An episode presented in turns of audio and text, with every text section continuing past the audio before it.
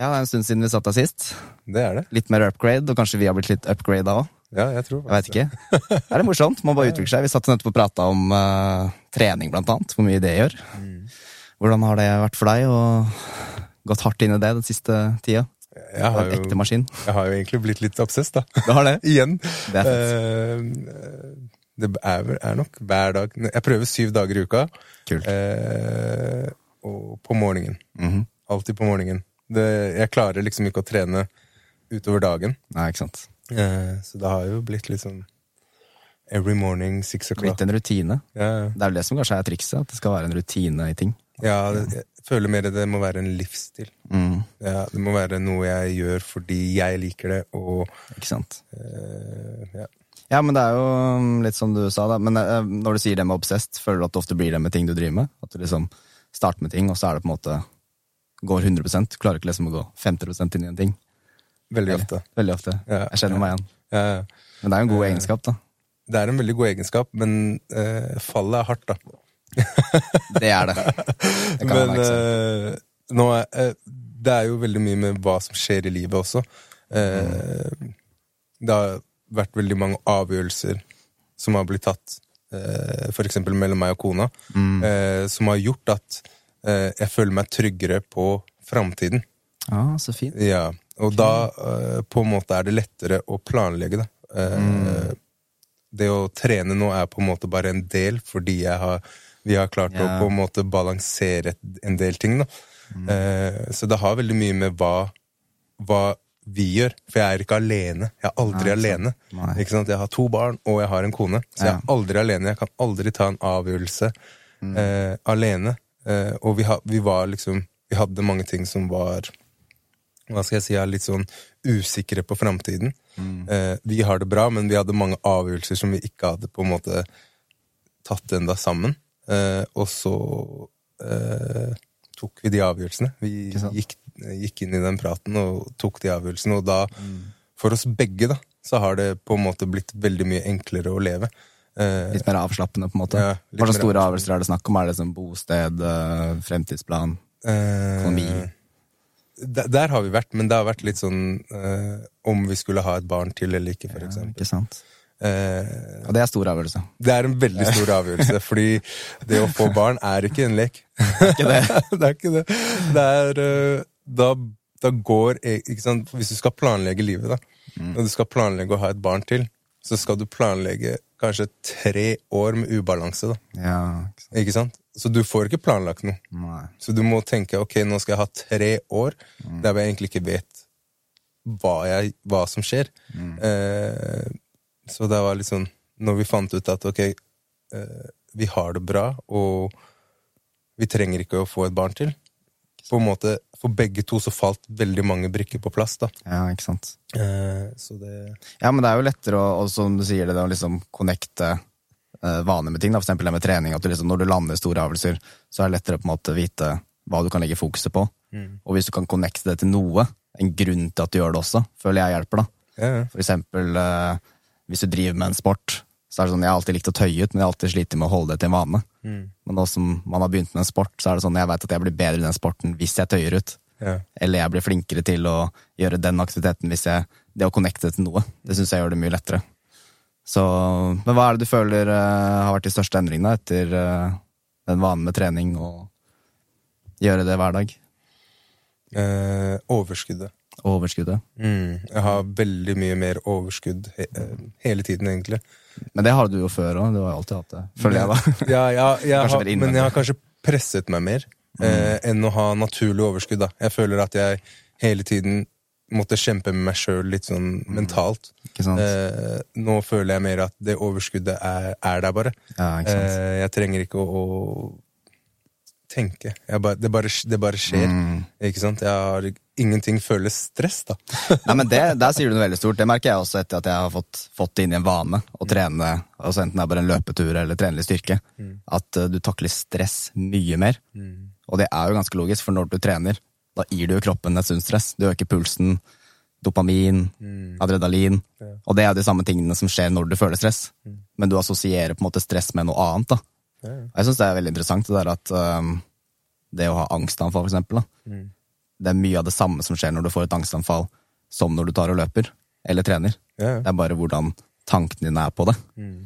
Så det har jo blitt sagt flere ganger at um, hvis man har opplevd mye angstanfall, og så bestemmer man seg for at man skal begynne å trene, så skal man være litt forsiktig med å bare presse seg ut med en gang, for det er mange som utløser angstanfall av å løpe. Ja. Fordi når du begynner å løpe, da øker pulsen, det er masse kjemikalier, og det assosierer du allerede med åh, det er sånn jeg føler når jeg får angstanfall, og så kommer det ut. Yeah. Og det er veldig interessant hvordan liksom tankesettet Jeg sier jo ikke at hvis du har et angstavfall, så bare Nei, bare tenk. Det er ikke det jeg sier. Eh, Jeg har jo opplevd det selv, og det er ikke bare bare. Men eh, det er interessant hvor mye tankene dine har å si på hvordan du reagerer på kroppens reaksjon på ting. Ja, ja. ja det, er, det er sant. Fordi jeg, jeg, har, jeg har jo på en måte også fått angst. Mm. Jeg har fått en sånn rar angst. Jeg, har, jeg snakket jo med deg om det for ikke så lenge siden. Ja, stemmer det. Ja, ja. Og, det, og det også er kanskje litt med treningen å gjøre, kanskje. Fordi jeg merker pulsen stiger like fort som når jeg trener. da. Så jeg får sånne Jeg får sånn svetteattack. Alt bare Og så klarer jeg liksom ikke å roe det ned. Eh, Før jeg på en måte har satt meg ned og får hjernen min på noe annet. Men det kan ta tid. Eh, og så skjønner jeg ikke hva den angsten er. Fordi jeg, jeg bare Hæ, hvorfor har jeg angst for ting jeg har gjort en million ganger? Og dette her kan jeg, og ok Som hvilke situasjoner da, og hva er det du føler? Hvis du skulle prøvd å beskrive det med ord. Oh. Eh, for eksempel, jeg var på et sånt intervju her, og jeg har vært på så mange jobbintervjuer. Det er liksom helt normalt å gå på et jobbintervju. Ja, ja. Jeg, var, jeg var mentalt forberedt. Alt var egentlig klart. Jeg hadde gjort et sånt første inntrykk på hun jeg var på intervjuet hos, hadde jeg allerede møtt og gjort et veldig bra inntrykk på. Eh, men når jeg kom inn i den kafeen, så var det bare som en switch, og pulsen min bare økte, og jeg svetta, og det rant, og det Ja, rant, og jeg bare hva, hva skjer? Og så på en måte skal jeg bare tenkte jeg, skal jeg skjule det for prøve å skjule det, men da, da ble det bare verre. Så jeg bare, hei, jeg vet ikke hva som skjer, men jeg har bare syk angst nå. Og Du så- var åpen om det òg, ja? ja, ja, jeg var helt bra. åpen om det, fordi jeg bare, ok, jeg kan ikke prøve å skjule det, for da blir det bare verre. da Da, kommer jeg til å sitte der og prøve å skjule det. Ja. Så jeg bare sa det, og hun bare, ja, men bare slapp av, vi har jo snakket sammen allerede, Ja, ja, og bare... Vet hvem du er fra før, liksom. Men jeg satt faktisk gjennom hele intervjuet og hadde angst. Men jeg klarte aldri å sette fingeren på hvorfor jeg hadde angst. Jeg visste jo alle svarene, jeg visste jo alt jeg skulle si, og... Men kan det ha noe med at du visste at nå skal du prestere, og da begynner på en måte kroppen å gjøre seg klar? At det liksom kjemikalier kommer ut i kroppen, motoren begynner å sette seg i gang, og det på en måte, i tillegg til at man er litt nervøs da, før man skal prestere, det kan være, det kan være en grunn? Altså, det kan jo være tusen ting. Det kan godt være, ass, Mm. at det på en måte setter i gang et eller annet som bare... Ja, det, Ja, for jeg, jeg har tenkt på det noen ganger når jeg, hvis jeg skal opptre eller prate foran flere mennesker. Så uansett hvor trygg jeg på en måte er i det jeg skal gjøre, så merker jeg jo timen før at shit, nå, nå begynner hendene å skjelve litt, grann, pulsen begynner å øke. Men så føler jeg at den store endringen for meg var hvordan jeg tok imot de følelsene. Hvis jeg tenker sånn, hvis det begynte å, hvis det begynte å overvelde meg, at det var sånn åh, nå er jeg nervøs, og shit, det her er skummelt, og bruker de orda der, da, så blir det skumlere. Hvis jeg tenker sånn, ah, takk, da takker jeg kroppen min for at motoren begynner å sette i gang, den gjør meg klar, så følte jeg at på en måte egentlig er en superkraft, da. ja. Men det er, det er jo Ja, jeg syns bare det er veldig interessant, for det er veldig mange forskjellige ting som skjer i kroppen, men det er de samme kjemikaliene som brukes. Eh, nå har ikke jeg superpeiling, da. Det er liksom dopamin og adrenalin og noradrenalin, masse greier. Men eh, jeg tror i hvert fall det har veldig mye å si. Kan hende det har noe med det å gjøre. Ja, det kan Jeg faktisk ikke. være at det på en måte den bare setter, sammen, setter i gang den samme motoren. Ja. Mm. Som på en måte jeg er når jeg trener, for eksempel. For da er jeg veldig høy puls, og jeg er veldig Mm. eh, Det føles litt likt ut, egentlig. Ikke som sant? å være i slutten av en joggetur, den angsten. Ja. I, sånn, sånn sett. Så, Det er bare liksom en god følelse, nesten. Etter å ha løpt, da. ja. Da er det alltid en god følelse. Mm. ja, for når jeg var ferdig, Mm. eh, så følte jeg jo egentlig at jeg hadde faila. Men så hadde jeg en god følelse. Så det var liksom som en avslutning av en joggetur. Liksom. Og var så sånn, fikk du jobben, da. Jeg fikk jobben. Gjorde det, vet du. Jeg er en trivelig kar, vet du, Pål. Så det er bare å være seg selv, så kommer du langt. Men eh, med tanke på, siden vi har hatt en prat eh, her før, eh, på denne podden, så er det jo en del endringer som har skjedd, tror jeg, for både deg og meg. Ja. Både i mentalitet, men også visjoner og mål, sånne ting. Hva, hva er de største endringene for deg, ja, siden sist gang? Uh, sist gang var jeg veldig på å please andre. Eh, Jeg var veldig på at eh, jeg hadde på en måte satt meg Det her skal jeg gjøre. Jeg skal bare mikse, og jeg skal Ja. bare Jeg hadde på en måte satt meg veldig sånne uh, Hva heter det? Del, delmål, eller? Ikke delmål. Konkrete mål. Konkrete mål. Ja, veldig. Det var veldig sånn Spesifikt, liksom. ja, spesifikt 'dette skal jeg gjøre', og Ja. disse tingene liker jeg. Og når jeg gjorde det i fjor, så elska jeg jo det. Eh, og jeg på en måte satt meg veldig sånne store mål også, at gjennom sommeren skal jeg gjøre det, og så skal jeg gjøre det. Og så, jeg, på en måte jeg var veldig spesifikk på ting. Og så eh, gikk ikke alt som planlagt, og jeg er jo vant til det. Eh, det studiet jeg fikk, jeg bytta det, og det var liksom veldig mye ting som skjedde der. Ja.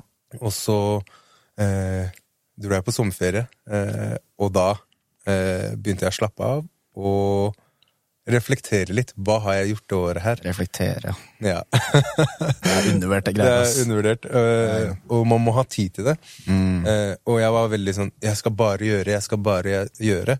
Men så var jeg sånn Åh, jeg skal gå ett år til på skolen. Eh, hva med å egentlig kanskje sette deg litt tilbake og lytte? Mm.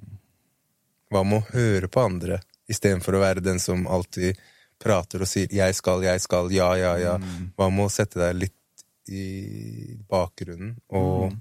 faktisk lytte? Og lære, fordi du har et helt år der hvor du kan lære masse, masse, masse. Sant. Og hvis du skal være den som bare jager, så kommer du til å gå glipp av så mye viktig Veldig informasjon. sant.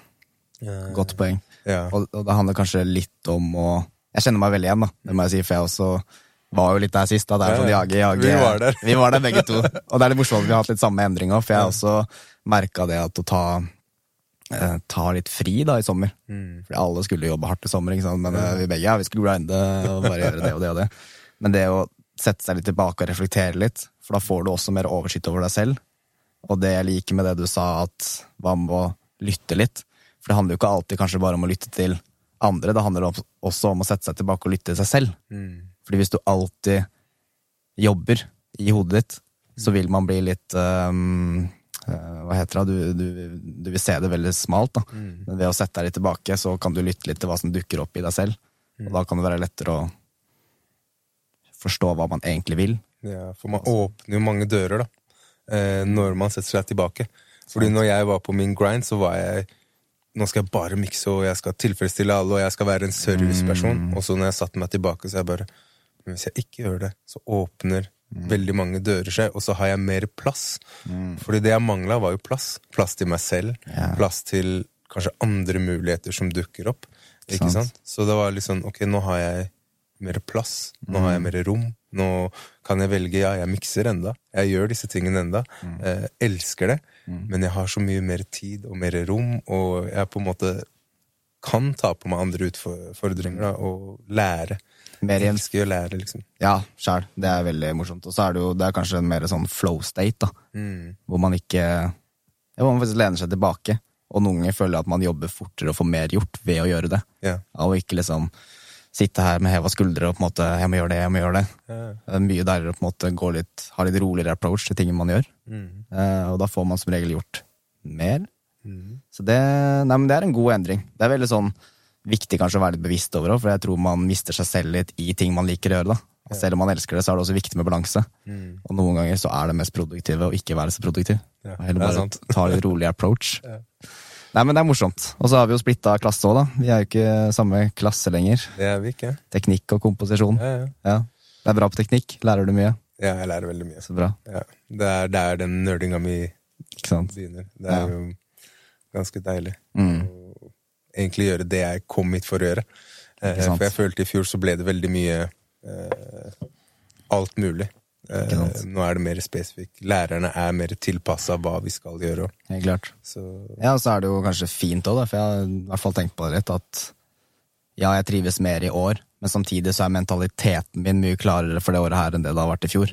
Så det var bra at det var litt sånn kaosår hvor du bare holdt øynene dine på én ting, men du måtte også bli kjent med nye mennesker, måtte bli kjent i nye rutiner. ja. Så det er på en måte litt uh, ja, litt uh, god timing òg, da. Mm. Timing er en fin ting. Timing er en veldig Ja. fin ting. Tenker du mer skole etter det her? Uh, nei. Nei. Ikke akkurat nå. Jeg kommer sikkert til å gå på skole igjen i livet. Jeg elsker å gå på skole. Det er kanskje noe av det, noe av det beste som fins. Det er det. Hva liker, hva liker du med det? Nye mennesker. Eh, og det å møte yngre mennesker. Ja. Jeg er 38, så jeg har på en måte levd uh, lenge. Men det å møte yngre mennesker uh, lærer man mer av. Interessant. Ja. Uh, man sier ofte ja, men de eldre kan mye, men de eldre kan ikke alltid mye. De har kanskje mye visdom og på en måte sånne ting. Ja, livserfaring. Men det å, å, å lære, det er det de yngre gjør. Eh, Ah, ja, de yngre vil jo lære. De yngre har overskuddet. kanskje en større nysgjerrighet. Ja, nysgjerrigheten og eh, hvordan verden forandrer seg. Eh, så for eksempel så eh, er det veldig eh, mye mer for eksempel eh, Mental helse, da, eh, Ja. er et veldig mye større tema enn når jeg vokste opp, når jeg gikk på videregående, eller liksom sånne ting, så er det et mye større tema.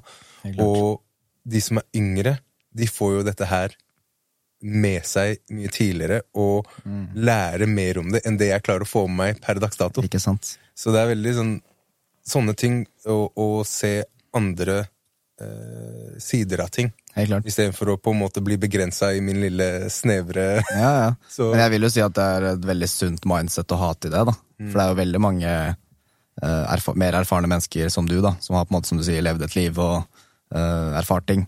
At man kan innse det at man kan lære mye av de yngre òg. For jeg føler det er mange som kanskje ikke har den helt. At man, og jeg føler ikke at du har mista nysgjerrigheten din, jeg føler at du er eh, nysgjerrig som en 20-åring, liksom. Ja, ja. Positivt ment, da. Ja, ja, nysgjerrig er jeg. Er Nei, jeg har aldri lyst til å slutte å lære, liksom. Jeg tenker at hver dag jeg våkner opp, så er det nye ting jeg kan lære. Mm. Og den dagen jeg tenker at nei, nå har jeg ikke lyst til å utvikle meg eller lære mer, da har jeg på en måte tapt litt. Ja, ja. For det er jo det som gir deg Det er i hvert fall det som gir meg motivasjon. da. Mm. Hver gang jeg får et nytt, nytt perspektiv på ting, eller lærer en ting, så blir jeg sånn Ja, det gir meg energi. Ja, ja. Og jeg tror, man, jeg tror det er sunt, jeg. Jeg tror det er veldig sunt, og jeg tror på en måte man må slutte å se litt på sånn for eksempel alder som et hinder. da. Eh, begynn på skolen igjen. Begynn å gjøre ting. Begynn å henge med eh, Ikke heng med, men liksom begynn å eh, Hør på folk som er yngre. Hør på hva de har å si. Hør på hva de har lært. Ikke. Fordi det lærte ikke du. Så eh, mine kanskje strenge vaner er kanskje ikke de riktige vanene, fordi det har kommet nye ting som på en måte motbeviser det jeg tenker. Da. Eh, så det er ja. Men apropos mental helse, hva, hva, hva tror du er grunnen til at det er mer prat om det nå? Tror du det handler om at yngre mennesker er flinkere til å sette ord på følelsene sine, eller tenker du at det er mer utfordringer rundt mental helse? Det, er mer, det er mer utfordringer rundt mental helse. Ja, det er eh, eh, Vi blir mer eksponert for ting Ja. eh, hele tiden. Ikke sant? Det er eh, som sosiale medier. da ikke sant? Det er hele tiden noe du skal leve opp til. da Ikke sant? Så du lever opp til å på en måte please andre Mm. istedenfor å please deg selv. Fordi, 'Å, jeg fikk ikke en like på den posten der, og hva gjorde jeg feil? Men du gjorde jo egentlig ingenting feil. Nei, sant. Ikke sant? Det var noe du følte du ville gjøre, og så, og så er det alt du ser i sosiale medier, alt du ser i reklamer. Eh, Ting går veldig mye fortere, da. Det gjør det. Så det å sette seg ned og reflektere har, har du nesten ikke tid til, føler jeg. Det er veldig mange som ikke tar, har den tiden, da. Det er veldig godt poeng. Mm. Og det tror jeg skaper et sånt press innvendig, at måte, det alltid skjer noe. Det er distraksjoner der, du skal møte opp der, du skal være sosial der. Det er veldig mye forventninger. Mm. Når du da ikke tar deg den kvarter eller halvtimen en gang og bare setter deg ned i stillhet, og hva er det som skjer inni meg, egentlig, det tror jeg skaper et sånt press. Nei, jeg tror også at um, Eller jeg veit jo ikke, for jeg er jo ikke vokst opp i andre alder enn det jeg er, på en måte. Um, men jeg tror det er Det kan være både og av at ja, det er kanskje mer press på enkelte områder. Men jeg tror, eller jeg har, en, jeg har et inntrykk av at vi har blitt tvunget til å bli flinkere til å sette ord på følelser. Fordi jeg har tenkt litt over det her, og jeg prata med min bestefar om det. Um, og det som er Det er jo ikke mange steg opp du skal før uh, vi har for, altså, Det er jo oldeforeldrene våre da, som på en måte var midt i krigen og ble vokst opp med det. Og så tenkte jeg her om dagen at jeg skjønner jo at hvis du var i krigen og opplevde ting mennesker ikke skal oppleve, og så kommer du hjem, så klart snakker du ikke om de tingene der. Det er jo helt umenneskelig, ikke sant, det som skjer. Og når da våre besteforeldre vokste opp med øh, en far, da, eller foreldre som på en måte Nei, vi kan ikke snakke om det. Jeg veit at øh, pappa hyler av mareritt på natta, men vi snakker ikke om det nå. De blir da lært opp til at ok, følelser er ikke noe man snakker om. Og så er det foreldrene våre igjen, som har foreldre som er litt flinkere til å prate om det, men de er jo fortsatt påvirka. Så jeg tror det har mye ting som har skjedd i historien, da, har også mye påvirkning på oss. Ja. Men nå har vi kanskje funnet ut at det er bedre å sette ord på følelsene, sånn som du sier når du var på eh, jobbintervju. Det at du faktisk var ærlig om å si at du, jeg har litt, sånn, jeg har litt angst i dag, og litt sånne ting. Det er jo superfint, for det er jo ikke noe feil med det. Nei, nei, Vi er mennesker, vi får følelser, og da er det mye lettere å få en forståelse for hverandre òg, da. Så jeg føler at det er, det er en fin ting å kunne si det når noen spør hvordan går det med deg. Det går fint, men akkurat i dag så har jeg litt sånn, merker litt i brystet. Mm. Og så kan man ha en forståelse for hverandre og bare ja, ok. Og det blir lettere enn å på en måte holde alt inne. Ja, ja. det, er veldig, det er veldig spesielt, da. Mm. Å på en måte eh, holde alt inne. Fordi jeg, som for eksempel, jeg er vokst opp på østkanten, Mm. eh, og på en måte fra du er veldig ung, Mm. eh, og du først møter på utfordringer der, så Ja. blir du jo eh, på en måte veldig sånn skrudd av. Fordi Mm. du blir rana for en sigg, eller du blir liksom Og de følelsene skal du ikke du si til noen. Nei. Ikke sant? Så jeg har jo vokst opp med å på en måte møte veldig harde eh, omstendigheter Mm. tidlig. Og på en måte ikke sladre. Hvis du sladrer, så får du juling. Mm. Og liksom det, er liksom det er på en måte hele tiden noe, og det sperrer deg, da. Så jeg, jeg har jo på en måte fremdeles litt sånn eh, sperrer i å vise følelser. Eh, og så øh, når jeg hun, hun jeg er gift med nå, hun har vært veldig flink til at du, ja, men du må åpne deg. Ja? Du, må, du må fortelle meg. Du kan ikke bare bli et steinansikt og sitte der, fordi det steinansiktet sier ingenting. Det er det, vet du. Ingen leser tanker heller, så helt eh, tanker, så, og ja, så jeg har jo blitt mer vant til å bare snakke om det, og fortelle det, og fortelle hva jeg føler, og fortelle hvem jeg er, og på en måte være ærlig om det. Fordi ja, ok, hvis du ikke liker det, så, så får, du, får du bare være det. det bare være. Ja, så tror jeg man blir bedre kjent med seg selv òg, det å kunne sette ord på følelser. Mm. Når du tenker, så er det veldig mye eh, gaps, da. Ja. Du, og når du må liksom sette ord på ting, så blir du også mer kjent med deg selv. Derav at jeg, jeg personlig syns det er veldig fint å bare kunne recorde meg selv prate iblant. Mm. Eller skrive. For da får du liksom en ekstra sans over hva du, hva du har i hodet ditt. Da. Mm. Ved å skrive så ser du det plutselig med blikket ditt. Og hvis du spiller inn og hører det etterpå, så bruker du ørene dine. Ja. Da merker jeg at veldig mange, i veldig mange situasjoner så løser det ting for meg. At jeg bare sitter og skravler, og så skjønner jeg det. Men uh, der er det jo fint. eh, Også kvinner er jo mye flinkere til å sette ord på følelser. Så jeg hører ofte det. Så jeg, det er jo det jeg Av å ha venninner, Ja. tidligere kjæreste. Det er der jeg på en måte men du, Nå må du sette ord på det, men jeg tror det er en utfordring for mange. Fordi de har ikke gjort det før. Så det er bare sånn, Si hva du føler, da. Så er det sånn Jeg vet ikke hvor jeg skal starte. Ja.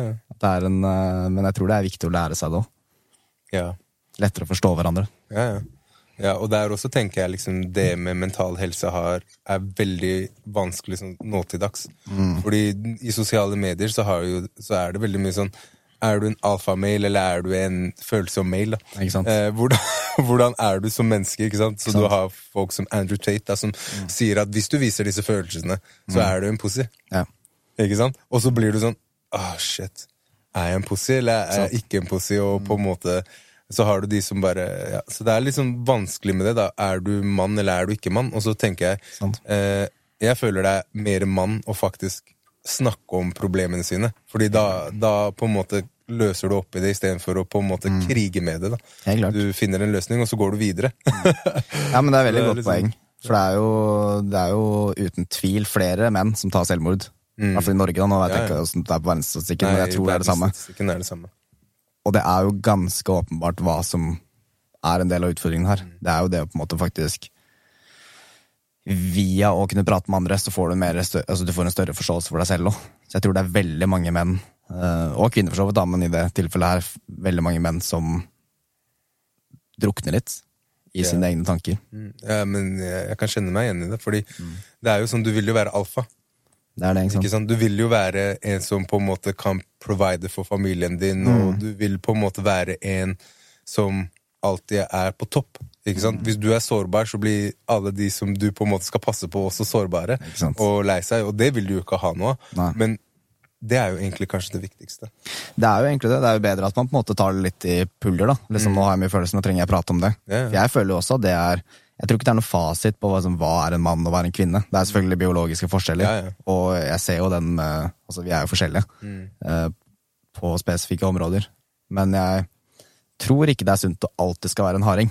Alltid skal være tøff. For Nei, du kan fortsatt provide, du kan fortsatt være stødig eh, for det motsatte skjønn, men også kunne ha følelser, da. Mm.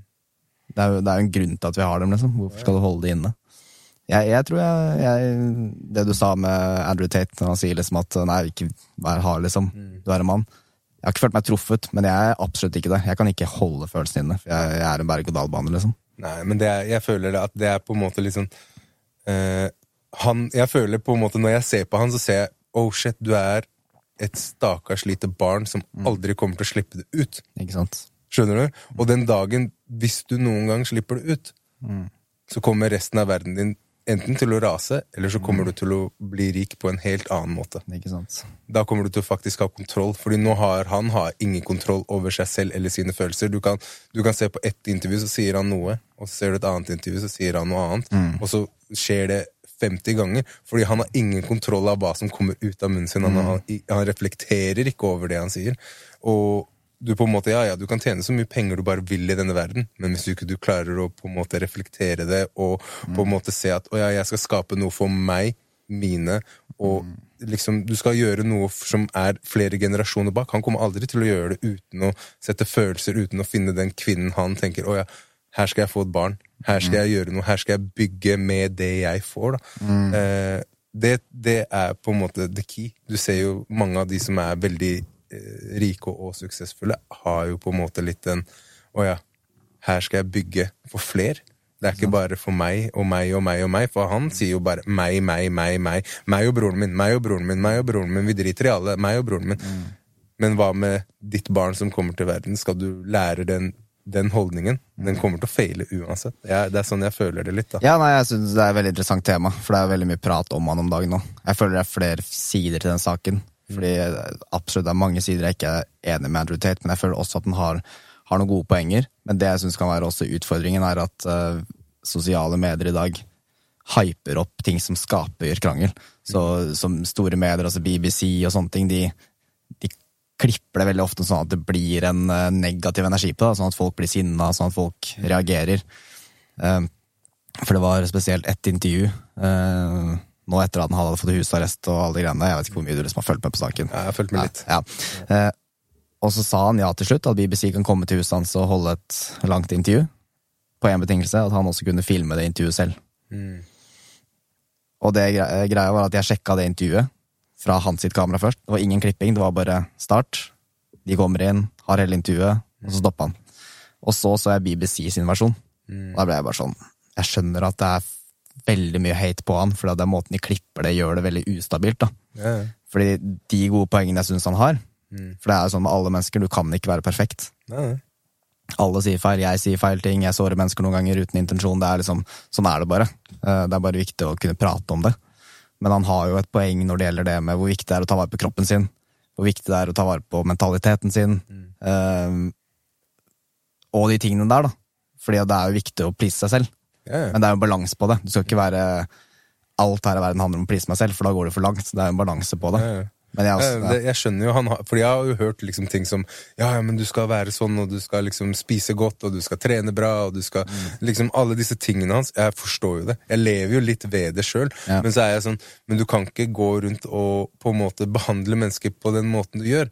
Fordi da på en måte bryter du litt av dine egne normer. Det gjør det. Ikke sant? Du, du sier én ting, og så gjør du en annen ting, og så sier du en ting, og så Da, sånn måte, da, ja, da mister jeg deg litt, fordi du klarer ikke å liksom eh, følge opp egentlig det du sier. Ikke sant? Ikke sant? Kan jeg stole på at faktisk det du sier, er sant? Ikke sant? Fordi du, er, du har ikke noe consistency i det du sier. da. Nei, men Jeg skjønner veldig godt hva du mener. Også, en annen ting jeg føler som blir vanskelig for meg, er å høre på mennesker som har en fasit. Mm.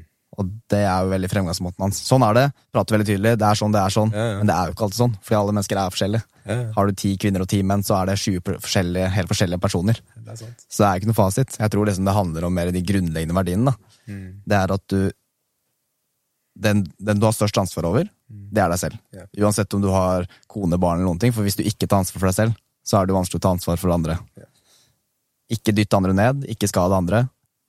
Og være åpen om enkelte ting. Jeg, jeg føler liksom Hvis du holder de grunnleggende verdiene der, da, Mm. så kan du på en måte basically bare være deg selv. Det har ikke så veldig mye å si hva du gjør, eller hvordan du gjør det. Nei, det er sant.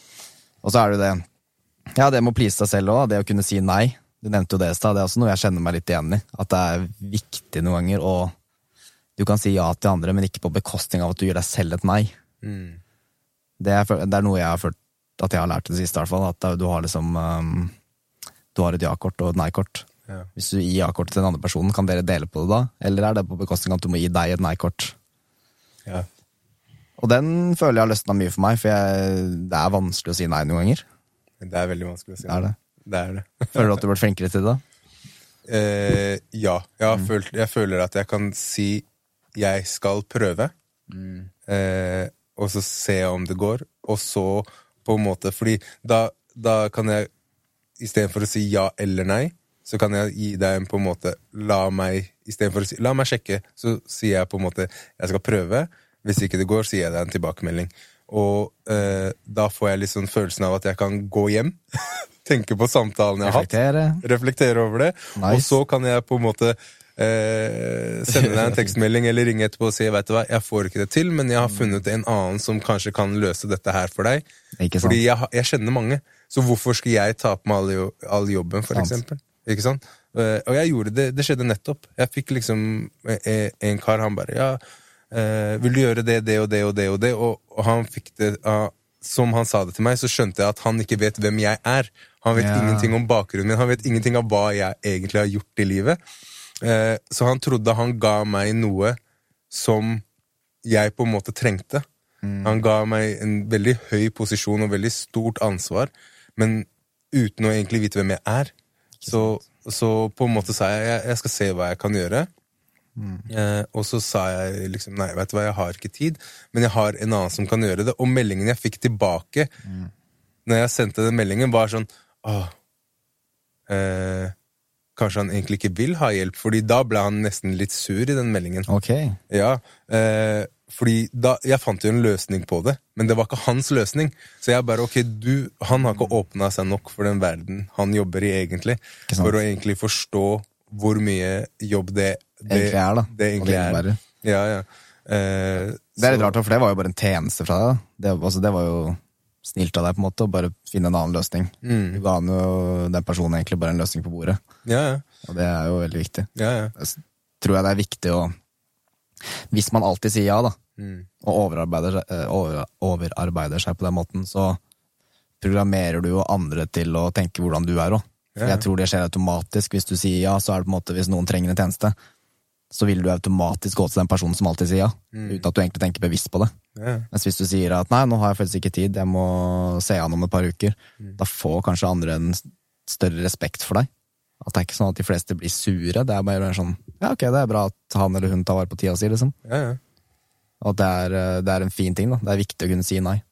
Ja, det er veldig viktig. Altså. Jeg, jeg prøver jo å bli veldig mye bedre på det, og så eh, på en måte veie opp for ting.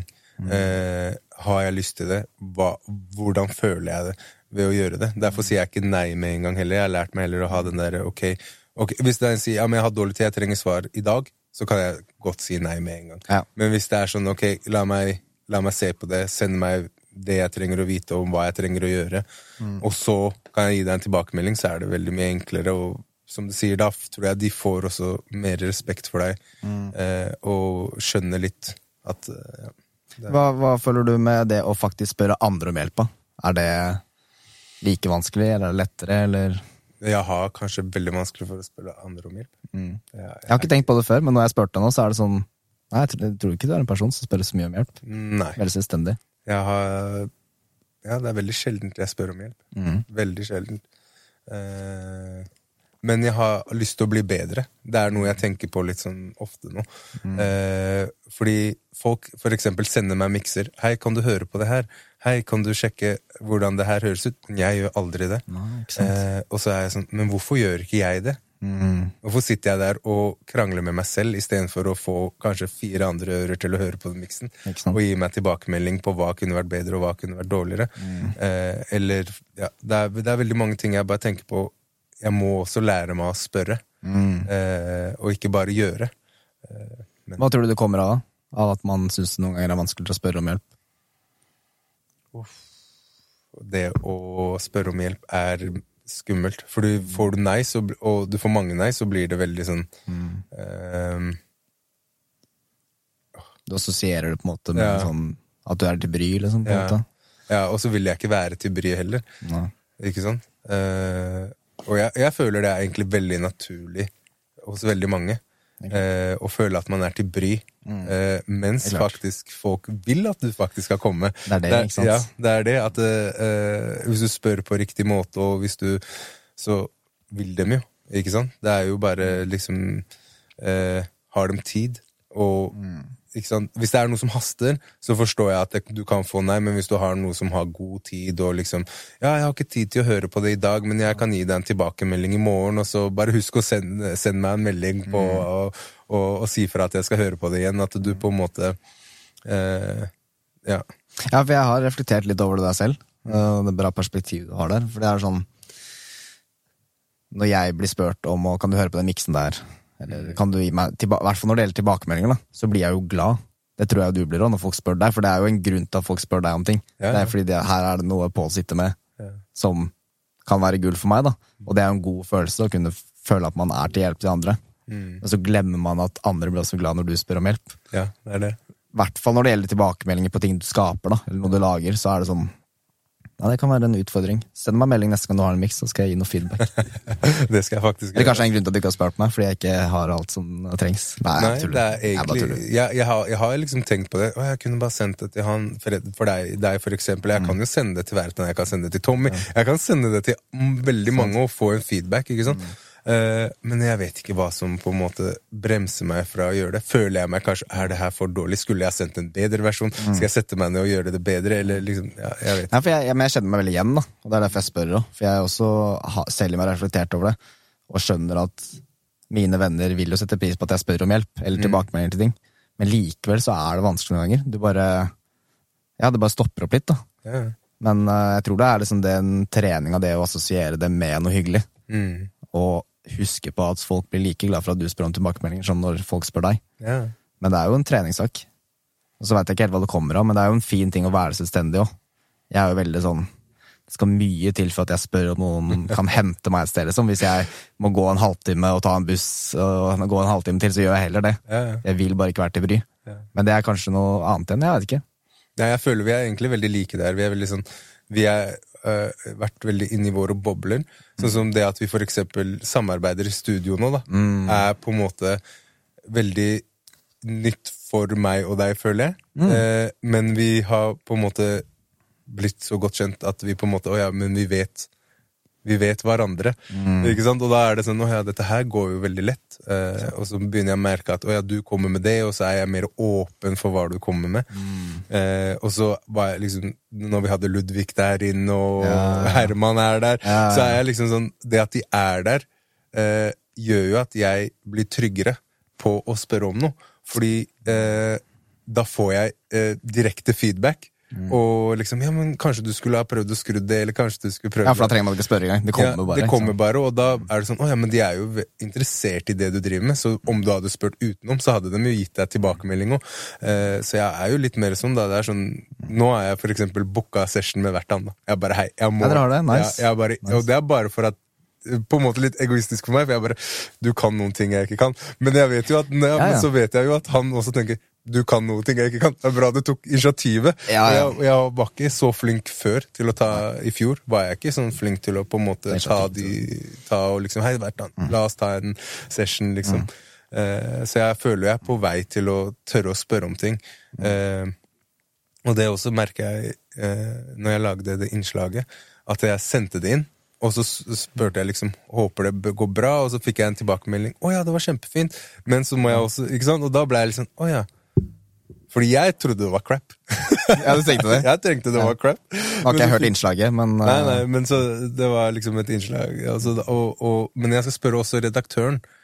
Hva kunne jeg gjort bedre? Hva kunne jeg gjort annerledes? For jeg, det er veldig sjelden jeg spør om de tingene. Hvordan kan jeg bli bedre? Fordi når du spør om sånne ting, så vil de gi deg kanskje eh, et par pointers som du bare tar med deg inn til neste gang. Sant? Vi snakket jo litt om det også, at du hadde snakket litt om podkasten, og noen hadde gitt deg litt eh, Tilbakemeldinger, tilbakemelding på hva Og det, det er så viktig. Det er så viktig, Ja, ja. men også er det viktig å tenke at det du får tilbakemelding om, er ikke en fasit heller. Nei, nei. Det er et nytt perspektiv, Mm. og det må man eh, på en måte ta med i utregninga, hvis du skal si det Ja, sånn. Fordi, fordi det, er, det er Jeg tror kanskje det er grunnen til at folk ikke spør òg, for de er litt redd for å få et perspektiv uh, uh, og tenke at å, men da er mitt valg feil, på en måte. Men det handler ikke om det. Får du perspektiv på ting. Og så spør du om feedback på en miks, da. Til fem stykker, så får du fem forskjellige tilbakemelding. Ja. Eller hvis du spør fem venner har du perspektiv på hvordan jeg kan bli en bedre versjon av meg selv, så vil du også få fem forskjellige uh, versjoner. Og det er, ingen av de er en fasit, men du kan på en måte ta det til deg selv. da. Mm. Og så likte jeg det du sa om det med samarbeid. For jeg tror det er en nøkkel i å gjøre ting. Ja. Fordi samarbeid, det er sånn Det føler jeg at jeg har innsett mye mye mer i det siste. Sånn som i fjor, da, så satt jeg veldig mye alene i studio, bare mekka beats. For det er komfortabelt. ikke sant? Du kan sitte i ditt eget hode. Det er ingen som sier noe. Men hvis du har en annen i studio, så er det mer utfordrende. Du må jo jobbe litt mer, men produktet blir jo mye bedre. Sånn som når vi har sittet i studio og miksa og spilt inn, så blir det jo mye bedre. Men så har vi ikke hatt dårlig tid.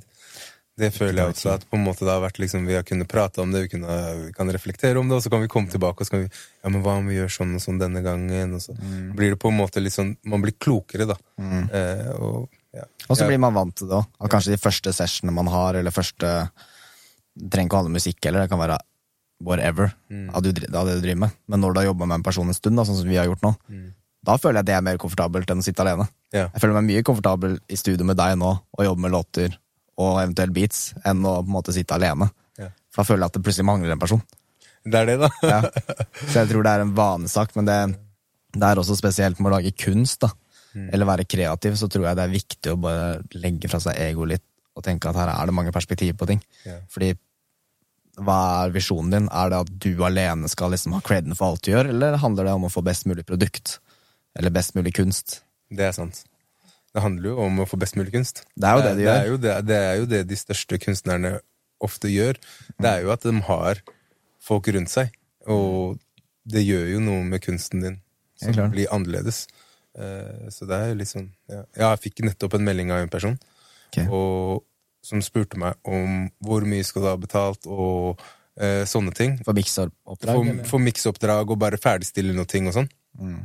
Og så fikk jeg en sånn følelse inni meg at hei, eh, jeg har ikke lyst til å ta betalt for den personen. personen. Jeg har heller lyst til å gjøre litt sånn som vi gjør, da. Eh, på sikt. Eh, for jeg føler liksom Jeg har fremdeles så mye å lære. For jeg lærer så mye når jeg sitter med deg, og jeg blir liksom sånn. Jeg blir inspirert. Og jeg bare jeg har lyst til å bli mer inspirert, og det er en helt annen sjanger enn jeg er vant til å jobbe med. Eh, så jeg bare Ok, men hvis jeg får et møte med den personen, og så setter jeg meg ned, og så på en måte forklarer jeg at ok, eh, eneste betalingen jeg tar, er for studio. Ikke sant? Det er for å bare holde det gående, ikke sant? Men jeg vil ikke ha betaling for det jeg gjør. Jeg vil at vi skal på en måte bygge noe sammen på lang sikt. Om jeg kan lære deg noe, om du kan lære meg noe, så er det større Enn en betaling. enn en betaling. Da. Den ser jeg, for da får du Jeg vil tenke meg da, da får du en mer avslappa eh, fremgangsmåte i det du gjør òg. For da er det sånn, da sitter du ikke og tenker at her får jeg betalt, så må jeg være effektiv. Ja. Da er det mer sånn dette her gjør jeg fordi at jeg har lyst til å lære, så da kan du på en måte teste ut flere muligheter, teste ut flere ting. Mens hvis man får et oppdrag hvor det er en ting du har gjort tusen ganger før, dette her kan jeg skikkelig godt, da er det lettere å på en måte ta betalt, da. Mm. Ja, og så har jeg kommet litt kanskje mer også tilbake i kunstnerverden enn å være bare en miksemaskin. Jeg har liksom kommet litt inn i en sånn eh, Jeg har lyst til å skape mer, men jeg har også veldig lyst til å mikse. Og da er det sånn, ok, men det betyr jo på en måte at jeg må klare å balansere det. Jeg kan ikke bare ta på meg 15 000 miksejobber, eh, fordi da mister jeg litt av kunsten. i Det er sant. Eh, og, ja. Så jeg har jo på en måte Jeg er jo en liksom kunstner av natur, da. Du er jo veldig kreativ. Så jeg jeg- merka når vi sitter i session nå, det er jo veldig mye gode innspill, og Ja, ja. Og så føler jeg at vi er litt sånn eh, Hvis man skal kalle det litt autistiske på forskjellige måter. Jeg fikk en sånn åpenbaring sist gang vi satt i studio, for det var sånn derre uh, Når vi satt med det audioklippet, og jeg begynte å liksom bare Ja, men det ordet der, jeg syns det ordet der kanskje er bedre på det andre taket. Ja, ja. Så bare hørte jeg en stemme, ikke stemme inni meg, men det var liksom Jeg sa til meg selv bare sånn Det er kanskje ikke det viktigste å fokusere på nå. Nå er det liksom mer helheten. Ja. Selv om det er jo en bra ting òg, men det er det å liksom balansere det litt ut, da. Ja, og det, jeg føler jo jeg lærer det samme. For jeg er jo så veldig sånn Å ja, jeg må fade inn over. Jeg, er jo, jeg vet ikke alle fadene mine. Men jeg er liksom, ok, det her må jeg, ta, må jeg ta etterpå, sånn som du fikk den lille stemmen som bare sier ja, men det her passer ikke inn i det vi gjør akkurat nå. Den faden kan komme senere, eller det kan komme senere, eller jeg kan Ikke sant? Eh, Så det er Jeg føler vi lærer veldig mye om vår sånn obsession med veldig små ting Helt klart. som ikke har så mye å si i det store bildet. Helt klart. Ikke sant? Små ting har mye å si, men ikke alltid. Fordi vi skal gjøre noe som er større, og da er det sånn, ok Uh, ja. Ja, og så er det, men der, der igjen, da, med samarbeid. Jeg tror mye av det gode med et samarbeid er balanse. Mm. At du balanserer ut hverandre. For det er jo ikke feil at jeg er helt obsess med det ordet der, eller det er ikke feil at du For det kan man bruke som en styrke. Ja, ja. Men det handler litt om kontekst òg, da. Og når man sitter sammen med flere, så åpner man seg Man setter seg på en måte Hjernen deres setter seg sammen, da. Og man blir mye mer kreativ, man jobber fortere, og man kan på en måte eh, Også det å tørre å si sin mening. At 'nei, jeg syns kanskje ikke det der er like viktig'. 'Nei, jeg syns ikke den var så bra som du syns det var'. Ja. Og så måtte ha en åpen dialog med det der. Så egentlig føler jeg liksom nei, mer samarbeid, altså. Ja. I alt man driver med. Ja, jeg, også, jeg har også blitt veldig Jeg har begynt å tenke på det, da. Eh, det, og det også liker jeg med det, eh, den nye jobben. Eh, som det, det blir jo ikke det Vil du snakke dypere om det med navn og sånn, eller er det Radio Nova. Ja? For de som lytter, da, og ikke helt vet hva slags som- jobb ja, vi snakker om. eh, er- Gratulerer er- med jobb på Radio Ja, Nova. er- Jeg er glad på dine vegne. Jo, takk. Eh, og der er det på en måte Der er man team. Ikke sant? Man er en reduksjon. Man har flere å forholde seg til. Eh, og jeg føler det er noe jeg trenger. Sånn veldig. Jeg trenger å få mange innspill og masse god kritikk og dårlig kritikk. Og jeg, trenger, jeg, jeg må bli på en måte feeda mer, da. Og jeg må kunne feede andre, og jeg må kunne eh, klare å ikke alltid prate. For jeg, i fjor så følte Mm, sier jeg. Ja, ass. ja Pål. Nei, men jeg følte jo, jeg følte jo For eksempel i fjor så prata jeg veldig mye. Ja. Jeg prata hele tiden, men jeg lytta ikke alltid. Eh, og det er noe jeg øver meg på nå, og, det, og da trenger jeg å være eh, I et blant, team. Ja, i et team, eller blant flere folk, da. Mm. Eh, fordi da kan jeg sette meg litt tilbake. Det er ikke jeg som tar alle avgjørelsene. Og liksom jeg, noen ganger så føler jeg at jeg trenger en leder. Jeg trenger noen som leder meg. Eh, for jeg har vært veldig selvstendig og, i, de siste årene, og jeg har vært, hatt veldig mange lederroller lederroller i arbeidssituasjonene mine. Mm. Du er jo naturlig leder, vil jeg si, da, sånn som jeg kjenner deg. Fordi, fordi du, er en, du er ikke en sjef, du er en leder. Ja, ja. Det er veldig stor forskjell. Mm. Du jeg skjønner hva du mener med det å snakke og lytte og sånn, Mm. men øh, jeg tror ikke vi hadde vært noen gode venner hvis altså, Det er ikke sånn at du ikke er flink til å lytte. Du lytter, men jeg skjønner at du kanskje liksom har tenkt mer på balansen på det. Mm. At, du også, at man selv har så mye å lære. Ja. Eh, men hva er det du gjør i Radio Nova? For de som eh, lurer på det. Eh, der er jeg med i en reduksjon som heter Umami, og der snakker vi om mat. Nice, nice. ja. Så ja, det, det blir egentlig å lage eh, radio. Ja, ikke sant? Temaer om mat Mm. og sånne ting. Eh, ja. Det er veldig lærerikt, da. Å på en måte gjøre noe, for det handler jo om lyd, på en måte, men det er liksom ikke musikkproduksjon. Men det er jo litt samme fagfelt. Ja, jeg må jo kanskje. klippe, og jeg må jo også Ja, gjør det kanskje Ja, eh, liksom hvis jeg er som Nå er jeg bare en noob, ikke sant? Mm. Men hvis jeg for eksempel blir eh, noe som heter SA eh, Jeg husker ikke hva de, de kaller det SA. Ja. Eh, ja, jeg husker ikke hva det står for akkurat nå, men det er den som på en måte styrer showet, da, setter opp showet og litt sånne ting. Mm. Eh, da må man også klippe, fordi noe kan sendes på radio, eh, og da, da spiller man musikk imellom eh, innslagene. Mens når det skal ut i pod, så må man fjerne musikken. Da må man på for eksempel klippe bort musikken, legge Ja, til jingler som er laget. Eh, og det som er veldig morsomt, er at de i Radio Nova er veldig på å lage jingler. Så, det, De er det, ja, ja, så de lager sine egne jingler og sånn. Så Det også blir jo kanskje en del av det jeg kommer til å gjøre, og styre litt teknikk og sånn. Så det blir vel ganske mye sånn, sånn Mm. Mye utfordringer, da. Eh, og, ja. Men det gjør deg sikkert sterkere òg, da. Å komme sånn til. Det du sa også, det å være team og på en måte ikke være en leder òg, Mm. men også ha begge perspektivene da, på det å bli leda og det å lede. For Ja. jeg tror du uten tvil blir en bedre leder av å bli leda noen ganger. ja, det blir man jo. På samme måte som at du blir en bedre mikser, eller du blir en bedre vokalist hvis du lærer deg å mikse litt. Ja. For da klarer man å snakke litt samme språk, man klarer å forstå Mm. eh, personen som står litt på andre siden. da. Ja. Det er, nei, men Så kult at du har fått mulighet til å gjøre det der. Mm. At du dro på det intervjuet og Selv om du følte at intervjuet ikke gikk helt opp, så kom du deg dit. altså. Jeg kom meg dit. Ja, Altså. Det er veldig kult. Ja, ja. Men Du kommer til å fortsette med det, eller? ja. Lenge? Mm. ja jeg, til jeg føler at jeg har fått nok. ja, det er jo en studentforening, Ja. eh, men det er jo folk som ikke er studenter, som jobber der enda, og, og Mm. sånne ting som det. Eh, men jeg føler at jeg kommer til å lære sykt mye om veldig mye. Eh, og kanskje jeg går andre veier i livet òg. Jeg jeg Mm, bare føler at det åpner, seg, åpner veldig mange dører for meg Ja. selv, og det å utfordre meg selv, da. Mm. Eh, Jeg liker det. ja. Det å være en i ting er jo helt Ja, ja. Jeg elsker det. Ja. Det å på en måte prøve nye ting og bare sånn Her kan du ikke en dritt, liksom. Det er det beste. Ja. Fordi som du sier, så åpner det opp nye dører, og det er alltid sider ved deg som du ikke opp oppdager helt. Mm. Før du faktisk prøver det. Og det er jo det som er gull med også, liksom være på, i et miljø sånn som det her på skolen. Mm. At du møter nye mennesker. Folk lager forskjellig type musikk, folk har forskjellige perspektiver, historier. Men det å også oppsøke nye miljøer, det tror jeg er veldig sunt. For du vet jo liksom ikke helt hvor du havner. da. Du vet hva du liker her og nå, men du vet aldri hvor du havner helt. Det det, Jeg syns det er litt random. Ja. Og så kan man gå dypere, da er det random eller er det meant to be? Det er jo, det er jo et annet tema, men jeg, nei, jeg, jeg finner det veldig interessant noen ganger. At um, det å sette seg selv i posisjoner hvor du er nybegynner, for det er også en frykt jeg har kjent på før. Fordi det er um, at man fort kan, eller for å snakke fra mitt perspektiv, da, så er det sånn det er fort gjort å låse seg i det man kan, og så bare fortsetter man det, selv om man kanskje egentlig føler man har et større potensial. Men det er skummelt å være ny, det er skummelt å prøve nye ting, fordi andre vil se på deg og tenke at å, er, se på han, han suger, liksom. Men folk som er flinke i ting, det er ingen av de som starta profesjonelle. Men du ser ikke det, ikke sant? du ser ikke den utviklinga. Store artister har jo de første sangene de lagde, eller de store mikserne, de første låtene de miksa, det var jo crap. Ja, ja. Men det ser jo ikke folk. Folk ser jo sluttproduktet.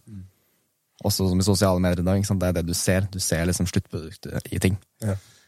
Men uh, vær en noob. Det er jo en lek. Man skal jo leke det er, det, deilig, det er deilig å være noob. Mm. Det, er, det er det jeg føler meg akkurat Det å være med i Radio Nova nå gjør meg på en måte litt mer humble igjen. Ikke sant? Ikke sant? Det er sånn Ja, det er humbleness rundt det òg. ja, fordi Mm. for eksempel hun som er redaksjonslederen min, da. Eh, hun er mye yngre enn meg. Ikke sant? Og, da, og, og på en måte, hun er min sjef. Ikke sant? Og jeg bare ok, mye av det her kan du, eh, tenker jeg sjøl. Men så sitter jeg og ser på henne og sier bare Men kanskje se mer. Ikke, sant. Ikke fortell henne hva du kan. Fortell, eh, heller bare hør på hva hun kan. Mm. Ja. Så jeg prøver hele tiden å på en måte bare ikke eh, komme med ting. For jeg er Mm. veldig flink til å liksom ah, Kanskje vi skulle gjort det. Å være veldig på, da, være veldig engasjert. Og, men så har jeg vært sånn Nei, jeg skal høre. Jeg skal Mm. lytte på hva hun har å komme med. For hun, hun er i en posisjon nå der hvor hun har blitt reduksjonsleder og skal fortsette denne veien her. Og hun, det hun lærer, må egentlig du ta med deg nå.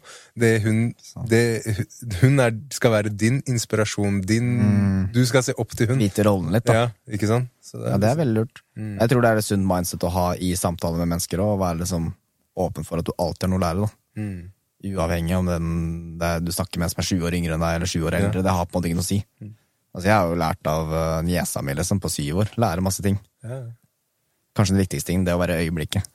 og det er ikke noe man nødvendigvis trenger å si. Man trenger ikke å si hva man kan. Du kan heller bare være det. Og så vil folk legge merke til det.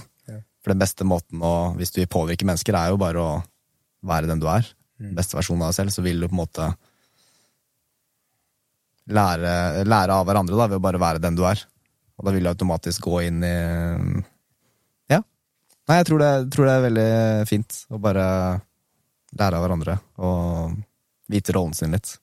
Det er fint.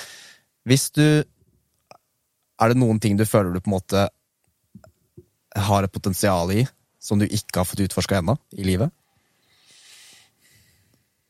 Det er lov å tenke, for det er et litt stort spørsmål. Eh, Det er vel sikkert veldig mange ting. Det er det? Ja, det er sikkert veldig mange ting. Eh, Men jeg klarer ikke å Det å for eksempel snakke da, på Mm. podkast og sånn, er noe jeg tenker kunne ha funka for meg. Absolutt. Eh, men eh, hvordan jeg gjør det, Mm. og når jeg kommer til å gjøre det, vet jeg ikke. Men nå føler jeg liksom at nå har jeg, eh, hatt, nå har jeg fått en liten sånn inngang ved å komme inn i radioen. At jeg på en måte eh, blir mer vant til å høre min egen stemme. For jeg, ja, jeg, det er veldig sjelden jeg har hørt min egen stemme. Ja, det er det. Uh, første gang jeg egentlig hørte på den ordentlig, var på Noroff, når jeg måtte lage podkast. Ja. Og så hørte jeg på stemmen min, og så tenkte jeg Du har jo egentlig en veldig uh, fin stemme. Du har det. Eh, takk. Så det er derfor folk godtar at du prater om, fordi du, du Ja. sier mye smart, og du har en uh, behagelig stemme å høre på. Så ja, det, kan være, det kan være en dag at jeg på en måte går også Eller nå har jeg Eller det kan ikke være det, Jeg har faktisk gått den veien. Jeg glemmer, jeg glemmer litt at Ja. jeg faktisk har på en måte starta med det. Eh, så det er liksom Ja. Det, Nei, men jeg tror det er potensialet du har. Eh, Jeg hører deg på radio, jeg. Ja. Allerede. Velkommen til eh, tirsdagsmorgen på Radio Nova. og så Nei, det er jo kult, da. ja, det er veldig kult. Ja. Men jeg tror det, det er en uvant ting òg, det å høre sin egen stemme. Men jeg tror det er sunt å Tror ikke. Det er sunt å høre seg selv prate. Spesielt med andre mennesker. For det, som vi snakka om i stad, du får et nytt perspektiv på det, enn at du bare hører deg fra hodet ditt. Yeah. Du hører hvordan du lytter, hvordan du stiller spørsmål, hvordan du får frem tankene dine. Jeg føler i hvert fall at jeg har lært masse av det, av å høre på mine egne samtaler. Og i starten var det helt forferdelig, for det var sånn Jeg husker det var fire, tre, ja, tre-fire år siden. Vi hadde en sånn derre prøvepodcast med en kompis på telefonen, hvor vi spilte inn. For jeg tenkte liksom, det var veldig kult å bare dreve en liten podcast eller et eller annet. Så hørte jeg på den samtalen etterpå. Jeg sendte aldri den filla til han, fordi jeg var så flau over meg selv. Hvor mye jeg ikke bare avbrøyt, kanskje, men flere uh, steder i samtalen hvor det var sånn Du spurte om et spørsmål, du fikk et litt svar, men du spurte ikke dypere. Du bare på en måte Ja, du, du blir flinkere til å kommunisere da, av å høre deg selv. Så jeg, jeg anbefaler det til alle som ønsker å bli flinkere i kommunikasjon. Sett deg ned med en venn, spill record, drit i hva dere prater om, bare ha en samtale, og så hører du på det etterpå. Ja. Det er selvutvikling på høyt nivå, syns jeg, da. Ja, ja, fordi når man hører seg selv, så er det liksom Når jeg laget det innslaget, for eksempel, og så hørte jeg på meg selv, og så eh, Når jeg fikk tid til å reflektere over det, og da hadde jeg allerede sendt det Jeg hadde hørt på det mange ganger, Ja, ja. men når jeg på en måte hadde sendt det, det var da jeg innså alle feilene mine. Og det var da jeg ble nervøs. Før det så var jeg sånn Ja, men det her funker, og stemmen høres bra ut, og jeg kunne sikkert ha gjort det bedre, og, Men når jeg sendte det, da var det jeg bare Å, det ordet var feil. Det var feil. Det var feil. Og så fikk jeg tilbakemelding. Nei, det her funker. Kjempebra. Ikke sant? Ikke sant? De, andre tenker veldig lite over de små detaljene som man selv tenker over. ikke sant? ja. Så det er sånn ja. Men det er, noe, det er jo også fint å spørre om tilbakemeldinger, for du får kanskje tilbakemeldinger du ikke har tenkt på selv. mm. Og så er det de tingene du tenkte var feil. Det legger ikke andre merke til alltid. Nei. Så da, en måte, da trenger jeg ikke fokusere like mye på det, kanskje. ja, det er det, da. Nei, jeg gleder meg til å spørre liksom om, om mer tilbakemeldinger om det innslaget, da. Ja. Ja, hva kunne jeg gjort det? annerledes? Det kommer på søndag. På søndag. Mm. På Radio Nova. Eh, Det kommer på Spotify, faktisk. Som, kommer på Spotify. Ja, Hey, kult, fordi kult. det skulle egentlig bli sendt live i går. Ja. Eh, så var det et eller annet med systemet dem som gjorde at det ikke ble sendt. Eh, Ja, så jeg, eh, Umami sendes hver fredag fra fem til seks live, og Mm. så kommer podkasten på eh, søndager. Kult. Så det du ser for deg litt fremover, da, er liksom litt radio, podcast, miksing, Ja. kanskje noen beats? Jeg skal lage beats. Ja. Skal vi ikke beats, da? Har du mekka noen beats i siste? Jeg har ikke mekka en Eh, dritt. Nei, eh, det som er, er at jeg har Jeg, jeg mekka én, men så har jeg på en måte Jeg har jo begynt å spille bass igjen. Ja, det var det, Eh, ja. Og så um, har jeg Siden jeg begynte med teknikk, så har jeg jo liksom Jeg har jo mitt eget studio. Ja. Og der har jeg veldig mye sånn tekniske ting som jeg har samla opp i mange år. Ikke sant? Eh, så å lage beats har, eh, har kanskje starta på en litt sånn ny måte å lage beats. Jeg har lyst til å kjøpe meg en kick og en snare, og jeg har lyst til å, på en måte begynne å mikke opp litt i studio og lage beats på en litt annen måte, men også gjøre den samplinga, sånn, for jeg elsker jo det. Det er jo bare, ligger jo bare sånn i blodet. Men jeg, ja, det, jeg tror det kommer til å bli litt annerledes eh, sånn beatsmessig. Og så vil jeg ikke heller stresse med at det må være til noen. Eh, jeg bare publiserer det. Eh, slipper det på Instagram og sånne ting. Og så gjør jeg det mer for meg sjøl enn for andre. Eh, fordi jeg bryr meg egentlig ikke så mye om om, om de blir solgt, eller om de blir brukt, eller Det er på en måte mer Jeg lager så mange, og jeg lager så mye, så hvorfor skal ikke verden få høre det? Jeg får jo kommentarer som er kule fra folk som ikke er artister.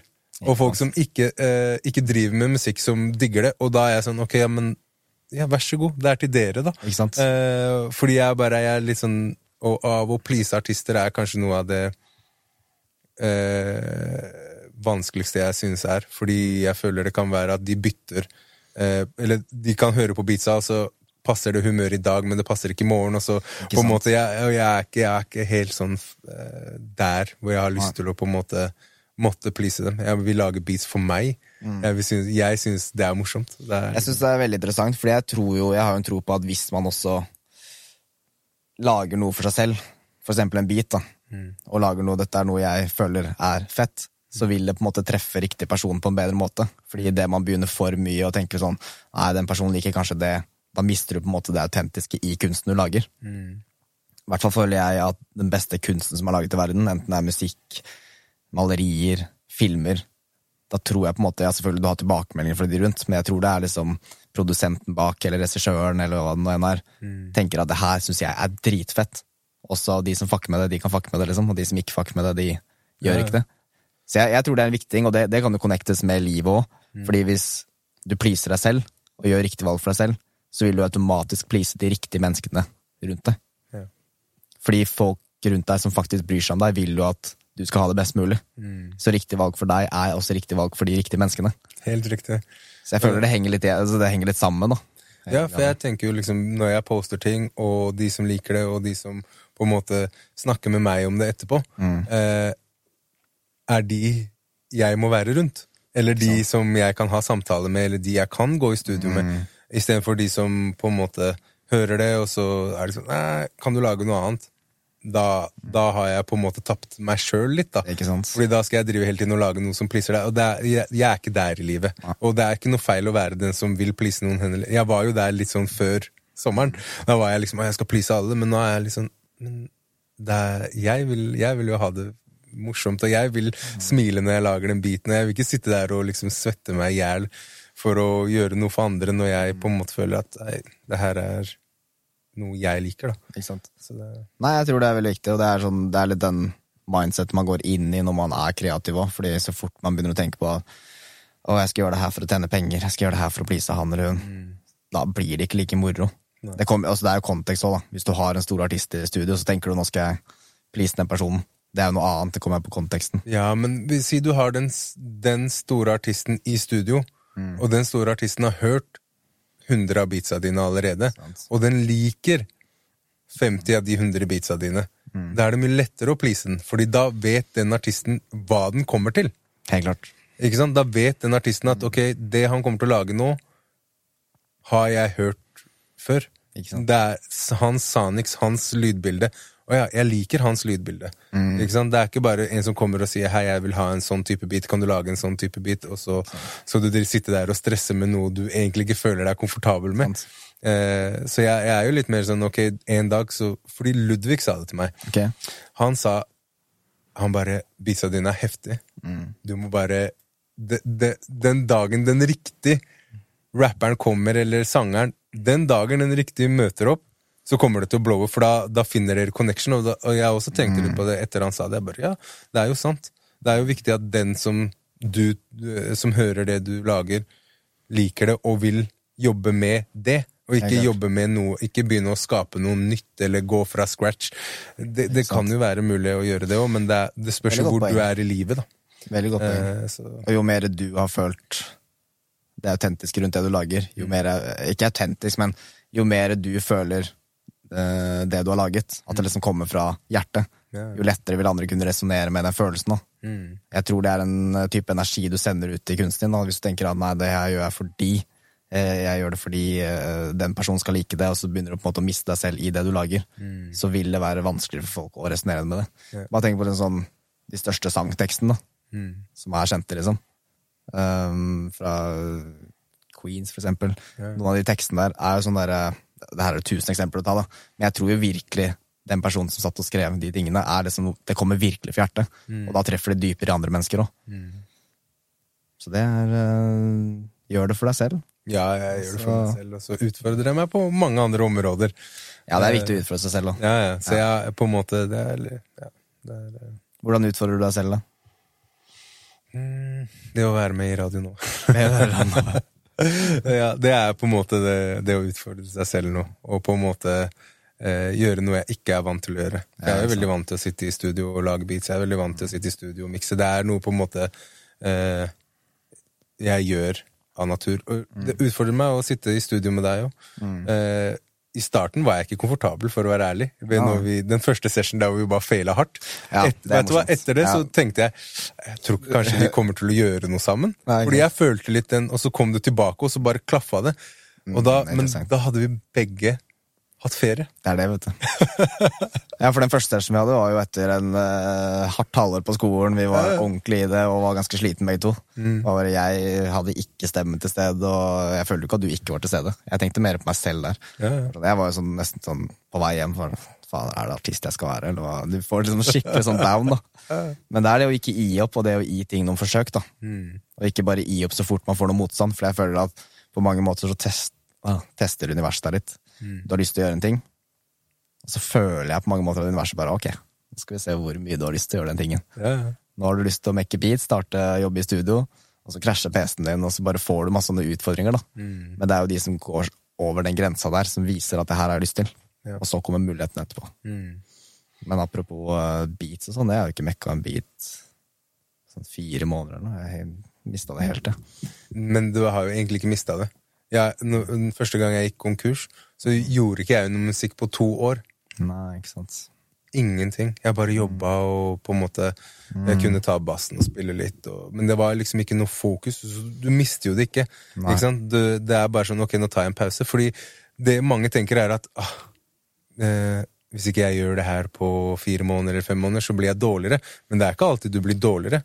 Hver gang jeg tar meg en lang pause fra å enten lage beats eller å spille bass, mm. når jeg plukker det opp igjen, så plutselig er jeg dritmye bedre. Det er et veldig godt poeng. Altså. Ja, ja. Jeg sånn, når jeg spiller bass nå, er jeg så sykt mye bedre enn det jeg var i fjor. Når jeg ja, spilte på skolen.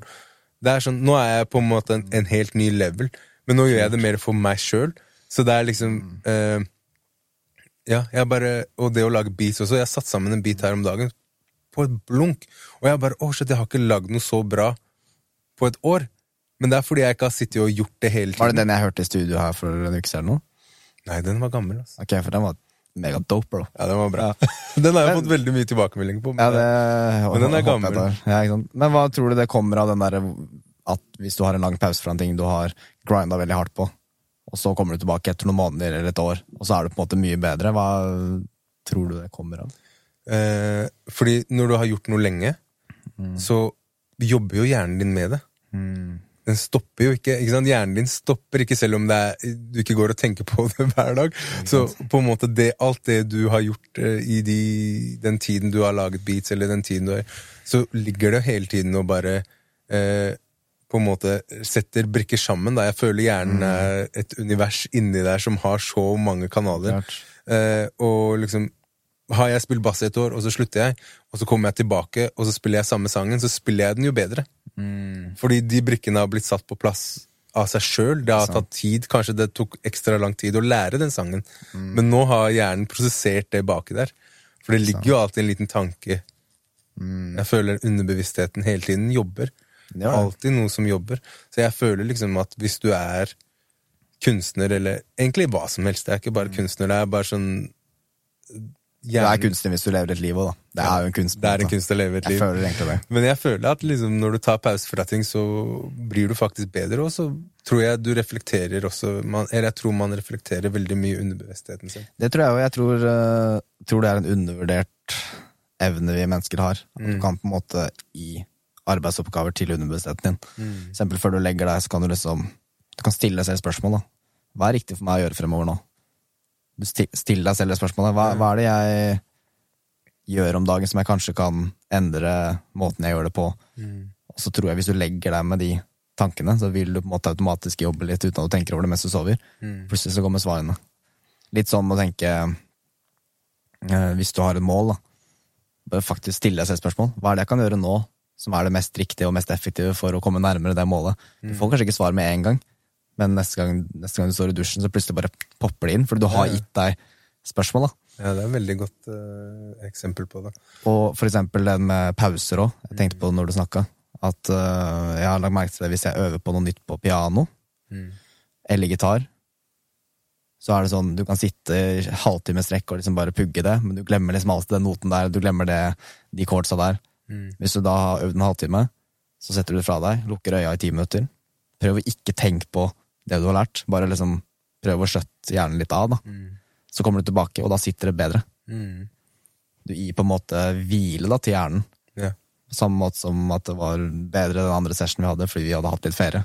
Helt Og ikke fokusert så mye på det. Ja, ja. Så jeg tror det er veldig viktig å Hvis man har store visjoner og drømmer, at man Ja, når du føler deg fokusert og har et driv til å gjøre det, Mm. så kjør på.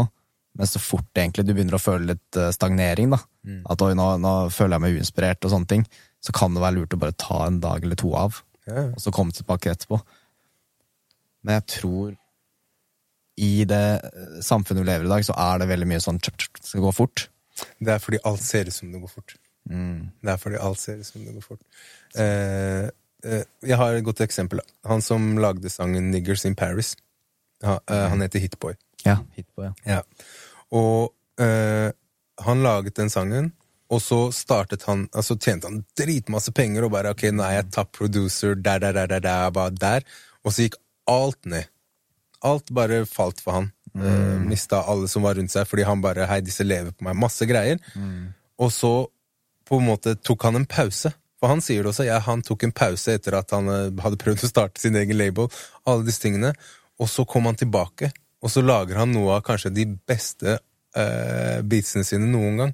Og det er bare fordi omstendighetene som skjedde når han lagde Niggers in Paris, og alt den som bare blowa opp, og han tenker ok, nå er jeg i gang, nå har jeg alle disse brikkene har falt på plass.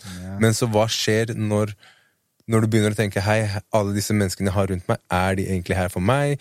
Er disse de rette Ja. movene? Det jeg lager nå, føler jeg det?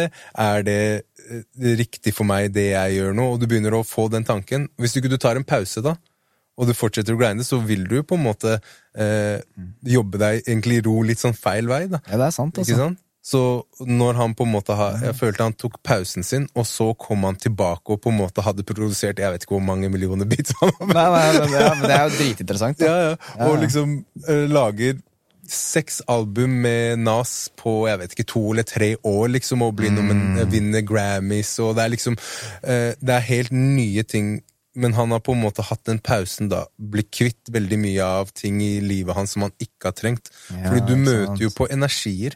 Ikke sant? Gjennom livet, som på en måte Plutselig så krasjer den energien, og så er den der lenge, og du bare Ok, hvordan Så det er jo litt sånn Veldig interessant, og jeg, jeg tror det er, det, altså det ordet som dukker opp hos meg, da, er jo balanse. Ja. Når jeg hører det her, for det er jo Det er rett og slett viktig å på en måte ikke Ja, du er fokusert på en ting, men hvis du er obsess med det hele tida, så mister du perspektiv. Du mister oversikten. Yeah. Jeg vet ikke, Har du sett uh, Limitless ja. med Bradley Cooper?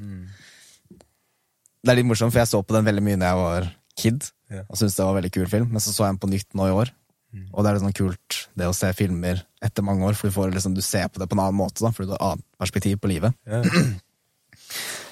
Og det er én ting jeg liksom tok med meg nå sist gang jeg så den, som jeg både ikke har sett helt før, og det er at når um, han tar den pilla for å åpne opp hele hjernen sin, og de har jo brukt den filmeffekten at når han går inn i en ting, når han skriver på manuset sitt, når han er dypt i noe, så, så er det sånne bildeeffekter hvor han går innover. Ja. Han går inn. Mens når det er en situasjon hvor han må løse et problem, Mm. da zoomer det ut. Mm. Da, da bare zoomer kameraet ut. Jeg synes det er så kult hvordan de har gjort det, for det er jo akkurat det vi mennesker trenger å gjøre òg. Når vi skal Ja, når du sitter med en produksjon på noe, gå dypt inn i det. Ikke tenk på hva du skal til middag. Ikke tenk på, du, du er liksom helt hyperfokusert på én ting. Men så fort du får et problem, ikke gå dypt inn i problemet. Zoom ut. Ja. Ta, gjør en annen ting. Gå en tur, hør på musikk. Eh, prøv en ny ting. Og så gå tilbake til problemet. Da vil du bare ha løsninga med en gang. Det er sant, ass. Jeg synes det er veldig interessant. Det er veldig interessant faktisk å på en måte ta den og gå ut. Ut av seg selv litt, da. Ja. Zoome ut, ja. Zoome ut. Zoome ut. Ja, men jeg tror det er undervurdert, da. For jeg, og, og så er det litt sånn, det blir jo som en muskel, du må jo lære deg å gjøre det òg, hvis du ikke har gjort så mye. Mm. Så er det jo Men samtidig så merker jeg at når jeg sier det nå, så er det ikke alltid jeg gjør det heller. Jeg har litt fort gjort til å liksom gå, over- gå litt i, være litt i mitt eget hode, da. Mm. Men der igjen, spør andre rundt deg. Har du noe perspektiv? Ja, ja. Ta en pause. Ja, men jeg føler mye handler om hva, hva slags balanse du har i livet. da. Mm. Som du sier, og, og det er liksom som jeg sier, når jeg, eh, når jeg og kona hadde hatt den praten og fått den balansen, det at jeg klarer å trene hver dag, stå opp klokka seks At vi eh, Balansen i livet mitt har på en måte gjort at jeg har veldig mye plass. Ikke sant? Eh, og hun har veldig mye plass, og eh, det at måten vi samarbeider på nå, da, er helt annerledes. Eh, fordi vi har jo hatt våre ups and downs, eh, men det var en eh, eh, jeg, alltid, jeg er den som på en måte er veldig sånn ut, da. Jeg vil gjøre ting. Hun er veldig sånn Ja, jeg kan leve med å hekle og den jobben jeg har nå, og så kan hun møte på det dramaet som er der, og så løser hun det. Eh, men jeg er veldig sånn Jeg vil gjøre ting hele tiden. Jeg har nye ting. Kommer noen ideer og tanker, ja. og så hørte jeg en, en bok en gang om eh, Hørte på en lydbok om eh, Michelle Obama. Ja. Mm. Og så eh, sier jeg Det her er lenge siden, så sier jeg til kona mi Ja, men Michelle Obama Hun satt jo bare siden eh, Obama i mange, mange år. Eh, og egentlig hata det, mye av det, fordi han var så mye. Eh, men det han lovte Michelle, var at når min tid er over, så er det deg det er fokus på. Ikke sant? Og det ser du veldig mm, tydelig nå. At eh, nå er det Michelle Obama som er i fokus, og ikke Obama. Eller Politikken, liksom. ja, ikke politikken. Så hun har på en måte veldig Nå er det han som backer henne. Og det sa jeg til hun Hvorfor er ikke du sånn mot meg? Og det, det, det, det, gikk ikke så bra når jeg sa det. Men ikke sant? Når vi har, den balansen vi har fått nå, så har hun, det har jo sittet inni hodet hennes, så hun sa det. Nå vil jeg være din Michelle Obama. Ja, så koselig. Og så sa hun det du gjør nå Nå, nå vil jeg bare gi deg sånn tre til fem år og gjør greia di. Fordi hvis jeg ikke er der eh, mentalt for deg, så kommer du til å faile uansett. Ikke sant? Så hun bare 'Jeg kan godt være i den jobben jeg har nå. Jeg kan hekle, jeg, kan, jeg elsker å hente barna, jeg elsker å følge opp barna. Og hvis jeg og du skal gjøre det, så kommer aldri du til å lykkes. Ikke sant? Fordi da øh, belaster jeg deg med mer arbeid enn det du allerede har inni hodet ditt. ikke sant? Så hun bare 'Nå vil jeg være din Michelle Obama'. Nå vil jeg være deg', fordi jeg vet at med en gang du kommer dit Når de du, målene. ja, når de målene du vil ha, så vil du backe meg. Ikke sant? Og, jeg, og jeg, da ble jeg sånn Å. Det også ga meg kanskje en viss sånn ro av, av hva jeg gjør nå. Fordi nå har jeg ikke den stressen med at jeg må eh, please henne. Alltid, liksom. Ja, Nå er jeg på en måte mer fri fra det, for nå har hun sagt ja, men jeg liker livet vårt. Mm. Og så er det kommunikasjon på det. At det er på en måte en forståelse rundt det. Og det tror jeg er så viktig i egentlig alle relasjoner, men kanskje spesielt i eh, forhold. da. At man gir hverandre rom til å være det man er, og i de periodene man er i livet. Hvis man skal være sammen livet ut, så Ja. er det perioder som er tøffe. Det er perioder som er utfordrende. Det er perioder man mister seg selv litt. Men så er det den balansen der. Og det føler jeg også er viktig i forhold at man Hvis du er i et forhold, da, og så har kanskje den ene parten lyst til å Nei, nå har jeg, jeg har egentlig lyst til å studere et år, utdanne. Men så er det en deal-break for mange.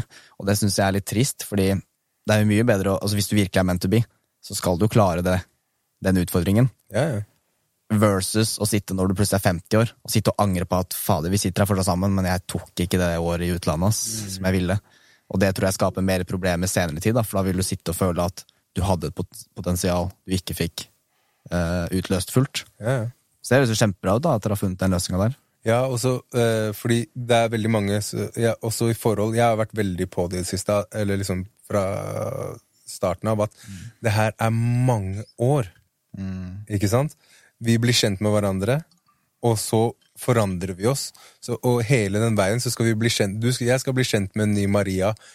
Helt, hvis jeg skal være sammen med deg resten av livet, så kommer jeg til å møte en ny Maria neste år. Kanskje neste måned er sant, Ikke sant? Og jeg bare, vi skal gjennom veldig mange ting i veldig mange år, og vi må egentlig være klar for at vi skal møte nye versjoner av oss selv. Ikke sant? Ikke sant? Og liksom eh, eh, det, det handler om å på en måte eh, På en måte klare å være en Michelle Obama for hverandre. Jeg liker metaforen. Ja, ja. Det er en veldig god historie. Ja, ja. At på en måte At jeg har lyst til at hun skal Hun har noen drømmer og ting hun har lyst til å eh, gjøre. Så har jeg sagt ja, men du skal få plass. Jeg lover at den dagen du har lyst til å gjøre det, så skal jeg bare sitte på bak. Da, da skal jeg gjøre det du trenger for å gjennomføre det du skal. Ikke sant? Og jeg, jeg har lyst til å være der for det. Ikke sant? Men hvis vi gjør det sammen, hvis, hvis du går og utdanner deg noe, og jeg utdanner meg, og vi har to barn, det det kommer til å krasje hardt. Det er ikke bare litt Men hardt. hardt, fordi du kan Ja, tenke deg, ikke sant? For du kan tenke deg at da kommer man inn i eh, november måned, da. Mm. Og så sitter begge med eksamener, da. Ikke sant? Det er jo teamwork. Ja, ja. Det er jo det, og det, det er også viktig å innse det at eh, hvis den ene parten i forholdet ditt har en drøm og visjon, Mm. hvis den personen oppnår det, så vil også du oppnå noe. Helt riktig. Med samme måte som deg, at det er jo ikke en konkurranse. Nei, nei. Det er jo det å gi hverandre riktig tidspunkt, riktig timing. Mm. Og hvis du vinner, så vil det også renne over på den andre personen, og motsatt. Helt riktig. Det er en, eh, tror jeg er en sunn mentalitet å ha. Mm. Jeg eh, kan jo ikke snakke for alle andre forhold, men jeg føler noen ganger at jeg kan se en tendens til liksom konkurransemindset hos eh, flere. Jeg har vært i forhold der hvor det har vært mer konkurranse enn det har vært Men det er fordi kommunikasjonen ikke er bra. Ja, ikke sant. Ikke sant? Kommunikasjon er ikke der. Hæ? Ja, og det er så viktig. Å kunne prate med hverandre er the key to everything. Mm. Eh, så det er litt sånn eh, Ja, det Kommunikasjon og ego, kanskje. Ja. Det er kanskje litt teit å sammenligne musikkproduksjon med et forhold, men det er jo litt det samme òg. Mm. Når du og jeg sitter i studio sammen, så er det jo Det er jo en tett relasjon. Du Ja, ja. sitter med noe sårbart, du sitter med noe begge bryr seg om. Mm. Um, og det å på en måte legge ego til siden og tenke at her er vi et team. Mm. Det er ikke min mening versus din mening. Det er vår mening. Det er vår mening som teller. Ja. Hva er din mening kombinert med min mening? Hvordan kan det bli det beste resultatet? Og det samme gjelder jo i et forhold òg. At um, du får et større perspektiv da ved å lytte til hverandre Mm. og tenke at man, vi står i det sammen. Ja. Det er ikke verden mot dere to Eller hvordan blir det? Det er et sånt ordtak. Det er deg og meg mot verden, ikke Det er et eller annet. Ja. Du står i hvert fall sammen, da. Ja, Fordi det er- livet gir deg mye utfordringer. Ja, ja. Du står jo sterkere i et forhold. Ja, ja. Og det det, det handler mye om å gi plass, da. Ikke Det sant? det. Ja, ja. Og handler mye om at man har god tid. Mm. Man har ikke dårlig tid. Jeg liker det med deg, altså, Pål. Alltid den påminnelsen der. Man har ikke dårlig tid. Ja, ja. Det er veldig viktig. Det er veldig viktig. Det er, og jeg, jeg ser jo det, jo, jo mer jeg også tar tid til meg sjøl, jo bedre blir ting. Ikke sant? Så det er litt sånn ja, Nei, jeg hører det veldig ofte, at det er eh, et av de gode perspektivene jeg har fått eh, av Jenny, for eksempel. Da. Eh, hun ene jeg bor med, hun ga meg en, et lite perspektiv, for jeg spurte henne.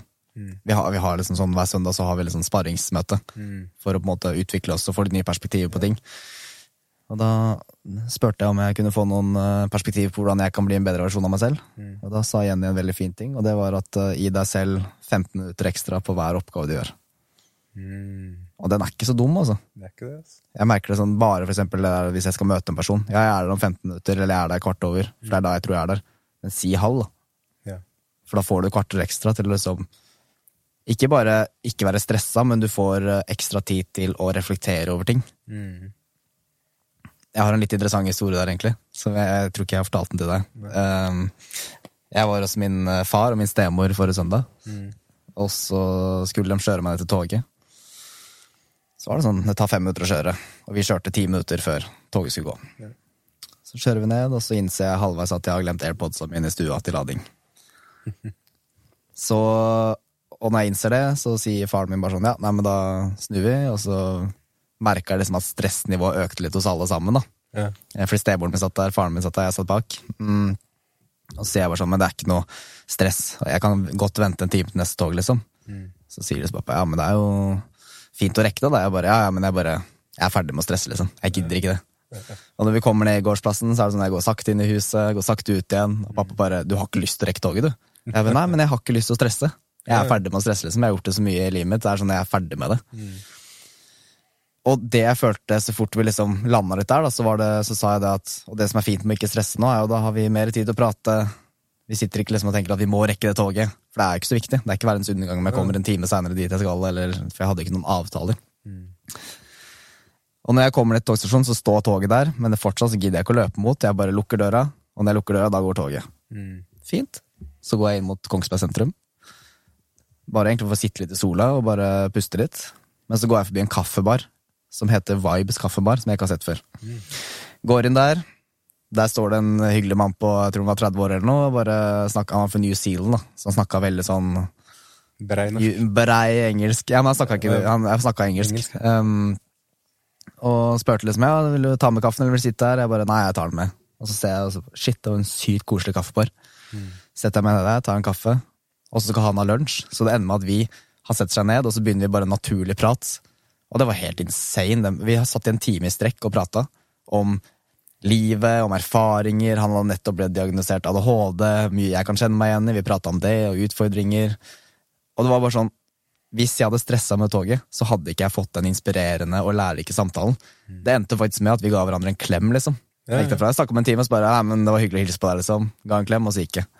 Og det føler jeg gjenspeiler seg litt i andre situasjoner, at når du slipper stress, så gir du rom for flere gode ting. Ja. Faktisk. Også. Du gir rom for refleksjon over hvem du er, og hva du ønsker å gjøre. Så det er som, som du sier, da. Man har ikke dårlig tid. Nei. Men det er treningssak. Det er veldig treningssak. Jeg føler at veldig mange har veldig dårlig tid. Ja. Skal gjøre ting nå, nå, nå. nå. Og du sier, så nevnte du i stad at du føler det er fordi at det ser ut som at ting går veldig fort. Tenker du da på sosiale medier, eller tenker du på For det går jo fort i form av teknologi og sånne ting. Ja, egentlig alt. Verden går veldig mye fortere fort sånn hele tiden. Alt skal skje fort. Alt, alt uh, Jeg føler folk har mye stress, da. Ja, ja. Sånn, ja. Ja, det er jo litt usunt òg, for det er jo flere studier som viser at folk lever veldig i usunt stress. Altså, stress er jo bra i enkelte situasjoner. Hvis du er i en farlig situasjon, da må du jo få stress for å liksom ja. handle kjappere og sånne ting. Men det å konstant være i stress fra du våkner om morgenen til du går og legger deg, Mm. jeg tror det Det er ikke bra for kroppen din. De der stresshormonene er jo Hva heter det? Er jo grunner til veldig mange sykdommer. Veldig Ja, mye det Man merker jo det på sånn ungdom, for eksempel. Veldig mye ungdom som eh, sier at de sliter med depresjon, da. Mm. Eh, og det føler jeg er på grunn av stress. Ikke sant? Ved å hele tiden på en måte eh, prestere, da. Det er det, ikke Det er blitt veldig sånn man skal hele tiden prestere, og man skal prestere i en ung alder. Mm. Ikke sant? Det, er sånn, det er det som vises. Altså, jo yngre du er når du klarer det, jo bedre er du. Mm. Men det er jo, Det er sånn. det er jo ikke sånn. Jeg så jo i stad, jeg leste en liten sak, at eh, en, hun dama som spiller bestemoren i eh, Black Panther Ja, ja. ja, Det er hennes første rolle, og hun var 80 år når hun fikk den.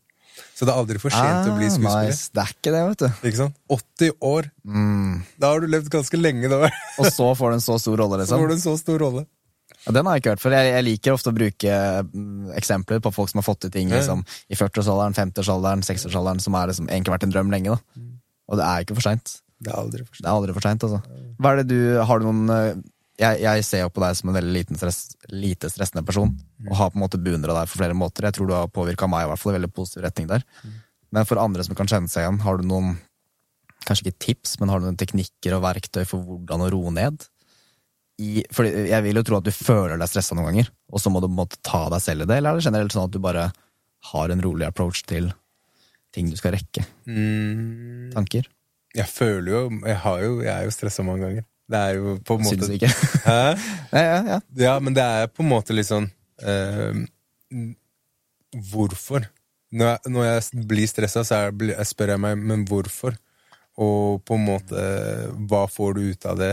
Jeg kan reflektere veldig fort okay. på, på ting og liksom er sånn Ok eh, Sånn som i går, da. Så sitter, sitter vi Vi hadde sånn kursting på Radio Nova, og så sitter vi, og så sier hun ene Ja, eh, eh, vi satt og liksom skulle late som vi hadde radio, og så må dere finne på et tema. På sparket. På sparket, ikke sant? Eh, og rett før det hadde vi hatt en quiz, og så hadde hun ene spurt om et spørsmål eh, hvorfor et eller annet, og så sitter jeg der, og så tenker jeg Og så blir alle stressa når hun sier det, og jeg også blir stressa, og så tenker jeg Ok, pust. To ganger. Og så tok jeg bare ett, ett av svarene fra eh, quizen, og så spurte jeg hvorfor tror dere det, og så Ah, begynte en samtale, og da plutselig var radiosendingen i gang. Og da plutselig gikk alt stresset rundt alle ned, Fordi da var det tema. ikke sant? Men Sant. alle blir jo stressa i en sånn situasjon, men det, det handler om å ta de to pustedragene, da, og bare ok, det, altså. hva, hva skal man gjøre? Og så må man det, Jeg er kanskje vel, en sånn problemløser, da. Og når man er problemløser, så har man, finner man ikke stresset. Fordi man finner løsninger veldig fort. Fordi man har vært i veldig mange problemer der hvor man må finne løsninger veldig fort. Jeg vet ikke, det er ikke noe ja, men, fasit. Nei, det er ikke noe fasit, men jeg syns det er et veldig godt perspektiv, for jeg har ikke tenkt på det på den måten. Måten jeg har tenkt på som egentlig går i samme, går i samme kategori, er jo det at vi er tilbake på det der med å zoome ut. da. Mm. Fordi ok, du får en oppgave, og så er det sånn Du tar stresset på en sunn måte. Mm. Så senker du skuldra, puster litt, fokuserer på pusten to Mm. ganger. Og da får du på en måte mer Du observerer deg selv mer, da, istedenfor å måte være dypt i det. Hvis du overtenker Jeg kan i hvert fall ta meg selv i det, da, hvis jeg liksom skal svare på noe fort. For eksempel et regnestykke. Mm. Svar på det der. Så blir jeg sånn øh, Men det er liksom bare det å senke skuldra, så vil på en måte svaret komme litt til deg. Mm. Så jeg føler jo egentlig at det er en veldig god teknikk. Men er det, er det sånn du tenker å Eller jeg spør, da, så tar jeg meg litt selv i det at jeg tror ikke du er så stressa der, men jeg kan være veldig sånn Selv om jeg ikke har noe rekke, så gjør jeg ting fort. Nå skal jeg lage matpakke før jeg skal på skolen, så er det sånn Gjør det fort. Så kan jeg få spørsmål fra de jeg bor med, sånn Er du stressa? Nei, jeg er ikke det. Mm. Men når jeg får spørsmål, så er det sånn Men jo.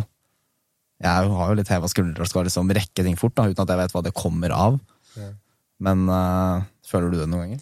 Ja, ja, jeg følte det egentlig her om dagen når du, når du snak- om matpakke, for jeg måtte lage Uh, Ja, jeg, sier, som jeg, jeg er jo fremdeles ikke best til å si nei enda. Jeg sier Nei, jo veldig fort ja, så jeg fikk jo en oppgave Eller jeg tok på meg en oppgave veldig sånn eh, fort i Radio Nova. Eh, første redaksjonsmøte så hadde hun ene bare ja, eh, vi skal ha sånn AI-greier, og så har jeg funnet en oppskrift på å lage sushi eh, med å bytte ut eh, ris med potet. Ok. Ja. Og så sier hun ja, er det noen som kunne kanskje tenke seg å lage det, og jeg, så ser jeg alle bare blir så nervøse, og så jeg bare ja. Ja. Pål? Ja. Lættis. Og så, og, og så bare ja, har du lyst til å bli med på sendingen nå? Eller jeg bare eh, ja. Ikke sant? Ja. Så jeg, ja, da var to ja ganske raskt. Ja. Men, eh, og så utsatte jeg. Fordi, bare, fordi det ble veldig mye når den sendingen skulle være, av det var masse kurs for alle nye og sånn. Så jeg utsatte å lage den sushien. Da, jeg skulle egentlig lage den på kvelden. Og så utsatte jeg det en dag. Og så står jeg og lager det. Og så, og så tenker jeg ja, men tre timer er nok Ja. tenker jeg. Og da har jeg hatt en ganske chill dag, og tre uh. timer er nok. Og så begynner jeg å se på klokka, og jeg bare Nå skal jeg være der om en halvtime. Og jeg bare, jeg har jo ikke pakka alt, og jeg har ikke kledd på meg, og jeg har ikke gjort noe. Sånn. Og så da, da ble jeg sånn Skulderen bare ble, Jeg ble veldig stressa og svetta litt, og så ble jeg sånn Men om jeg kommer kvarter for sent, og jeg har med den sushien, Så er det greit. så er det good, er det ikke det? da, har jeg, da har jeg på en måte laget en grunn for å komme for sent. Altså, jeg, jeg, jeg blir jo stressa, men jeg på en måte klarer å liksom Men det er ikke, det er, det er ikke verdens undergang om Nei, det ikke skjer. Eh, og jeg kan også være sånn Hvis jeg på en måte feiler overfor noen, da, sånn som en uh, miks, for eksempel, da, at jeg ikke leverer den, så jeg bare Det går bra. Det går bra. Ja. Det er ikke verdens undergang. Det er ikke et verdensproblem at ikke jeg leverte den miksen. Det er ikke noe som Ja, ok, han personen eller hun er ikke fornøyd med meg, Mm. men det gjør jo egentlig ikke meg noe, fordi jeg følte ikke det her. Det er sant, så, og så det er på en måte litt sånn Hvordan du ser det på, da. Altså, ja. Hvor, du, du blåser jo opp en utfordring eller et problem. Ja. Du på en måte tenker på sånn. Og så føler jeg det er litt interessant det du sier der òg, fordi det var nok bedre å komme et kvarter for seint med en avslappende energi, Mm. enn å komme på minuttet med en stressende energi. For det merker mennesker, ikke sant. Ja. Ja, for, for, men, ja, det er sant. Så, og det tenkte jeg liksom på med tanke på den øh, episoden med det toget og den kaffebaren og sånne ting.